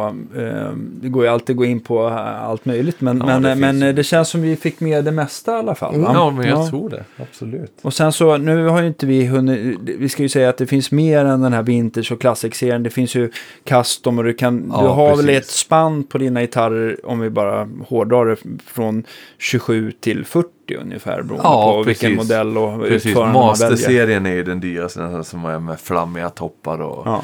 eh, och den custom-delen, då, då kostar de seriemässigt, eh, de som går in i butik och köper en Master ST till exempel, som är Strata-inspirerad, den ligger på 35 995. Eh, och Omni-modell som är vår modernaste i Master-serien, den ligger på 40, eller 39 995. Och custom beställer den så hoppar de upp ungefär 5000 kronor. Okej. Eh, Så ST, Master ST blir runt 40. Och, och då får du välja specifikationer fritt. Men jag tänkte på, jag tänkte på den här äh, grundmodellen äh, Classic till exempel. Mm. Då då. Kan man, finns det några färger att äh, välja på eller är det vad du har haft lust att lacka till den dagen? Alltså det är ju det som är, så det butikerna har, det är det som är seriegitarren. Så allt Ah. annat blir custom. Aha, Eh. Så att bli, går du in i en butik och säger ah, jag vill ha den här fast jag vill ha den andra färgen. Ja, då blir det en custom-beställning. Okej, okej. Eh, men det är väldigt sällan någon bara vill ändra en färg utan då vill ah, jag vill ha de här Ja, banden, men, jag men, vill ha- ändå, men, ändå men den här, blir, men ändå det här som är i butiken kan vara eh, svart, eh, Ja, Olympic absolut. White och absolut. lite så. Så ja, ja, Hela inte- mitt tänk där med butiken att alla ska ha olika sortiment. Så Ja. inga butiker har samma. Nej, jag förstår. Jag Just det. att, eh, och då kan man beställa direkt. Hur, hur många butiker har dina gitarrer då? Nu är det ju tre i Norrland. Mm. Eh, och det är ju Umeå, Skellefteå och Luleå. Och så har vi eh, nu Disc Coast Eleven Stockholm och så Guitarnet. Eh, nu ska jag säga, nu har jag helt låst var de ligger. Men det är ju eh, närmare mot Göteborgstrakten. Okej. Eh, och så har vi Finland, eh, North, North Sound heter Mm. han. Som, eller den butiken. Helsingfors eller? Eh, nej, ut mot, alltså Vasa över där. Ja, ja, ja. In i Mm. Jakobstad och, ja precis. Eh, så att eh, där, där ligger de eh, butikerna som vi har just nu. Och så under 2019 hoppas vi att vi får in eh, Malmö och Göteborg. Mm. Så att Mm. det är våra Vi håller tummen. närmaste. Ja, precis. Så så är det. Ja. Grymt. Tu, ja, tusen tack eh, än en gång. Ja, sådär. Eh, tack jag själva. hoppas att det blir fler gånger här framöver vi kan eh, podda och eh, ja, lyfta på fler stenar helt enkelt. Jajamän, det var Absolut. fantastiskt Men, kul. men eh, vilken, vi, eh, vilken är eh, den sista liksom, så här, gitarrgrejen du kommer sälja? Har du något? Den sista, gitarr- oh, det var en svår fråga. Sista jag kommer sälja. Det sista verktyget kanske vi ska Ja, men fråga dig. sista, sista gitarren, ja, sista verktyget jag skulle sälja. Det är nog, för jag har ju kvar den här som jag berättade om som jag satt och tällde på. Ah. Min Mexico Strata. Eh, och den har jag ju bandat om, lackat om, skaloperat, gjort. Den är just nu flake-lila. Ja, Ah. Eh, så den är nog faktiskt av sentimentala skäl den som jag aldrig skulle sälja. Och eh, ja, nej det är nog den faktiskt. Inte för att jag använder den så mycket men, men eh, den är, mina döttrar älskar den och jag älskar den. Så att, eh, Ja. den har varit ute och lirat mycket på. Så. Nej, det, Ja. det känns ju som de, de, de, eh, bland de svåraste uppgraderingar, eller dyraste uppgraderingar man kan göra hos dig, va? Skaloppering med flake-lack. Exakt, precis. Jo, det, det, jag vill nästan tänka på. vad jag sexsiffrigt. Har lagt, ja, ja, herregud. Oj, oj, oj. Ja. Och just lila flake också. Ja, och, så, och så vill man ha kantlist med stainless steel-band Exakt, också. med ja. flake burst över. Nej. Ja. Ja, nej som sagt, där, där har jag gått all in. Så att den är ju värd några kronor om man ser till allt man har lagt ner på Timmarna, den. ja. Ja, verkligen. Ja. Så att det är väl ingen Mexiko-strata längre. Nej. Får jag inte säga. Men Ja. som sagt, så det är nog den som jag har kvar på den öde ön också. Ja. Si- si- Sista så här fråga eh, Mm. med, eh, med just när det gäller gitarrkroppar. Folk kommer in och undrar så här. Måste det vara one piece eller kan det vara tre delar? Eller påverkar, får du, alltså jag, jag Ja. fattar att det är så himla svårt att ta från samma bit och liksom växla. Men är det någon så här, har du fått en upplev, uppfattning om att one piece kroppar eh, låter bättre eller tvärtom? Nej, om jag, i ärlighetens namn faktiskt inte. Att en one piece. Jag använder bara two piece eller one piece. Alltså en skarv eller ingen skarv. Ja. Jag kör inga tre, eh, tre skarvar. Utan, eh, men eh, jag upplever nästan så fall mer fördelar med en tvådelad. För då kan du vända dem så att det inte rör sig någonting. Det är en Okej. stabilitetsfråga också. En limfog som stoppar upp vridningar i träet. Just det, för det Och gör du en riktigt bra limfog så är limfogen starkare än träet. Mm. Du kan ju en tight bond då som man har tight bond trälim. Eh, tar du laga en hals till exempel Mm. i headstocken som många Gibson Les Paul har. Den går aldrig av på samma, eh, samma ställe om du har gjort ett bra jobb. Mm. Utan då går den av någon annanstans för att limmet är starkare och sitter tightare. Så att, eh, ja, nej är, som ti- är tight bond det enda limmet du använder Ja, i, det i, det. i, över Precis, över och det allting? är Hide Glue Tight Bond eller det röda original Tight Ja. Bond. Det är de två jag använder i gitarrbygge. Så att de är, de är, de är väldigt bra. Mhm. Ja. Tack Tusen tack. Ja. Yes, nu tack ska du få själva. åka hem till, Ja. eh, till Umeå. Till Umeå, precis. Till Vännäs, var det Till så? Vännäs, Ja. Mm. precis. Blir det tåg till Sundsvall då eller? Nej. Nej, Hyrbil. fick hyrbil har jag. Utbytesbil, ja, jag Ja. förstår. Jag kanske vill låna min trehjuling. Jag skulle få en, jag skulle få en uh, utbytesbil jag också. Ja. Ja, det ska jag åka och hämta nu. Ja Stort tack för det, skitkul. Vi, uh, Ja, vi, vi hörs hörs och ses varje torsdag. Ja. Hej hej! Hej, hej.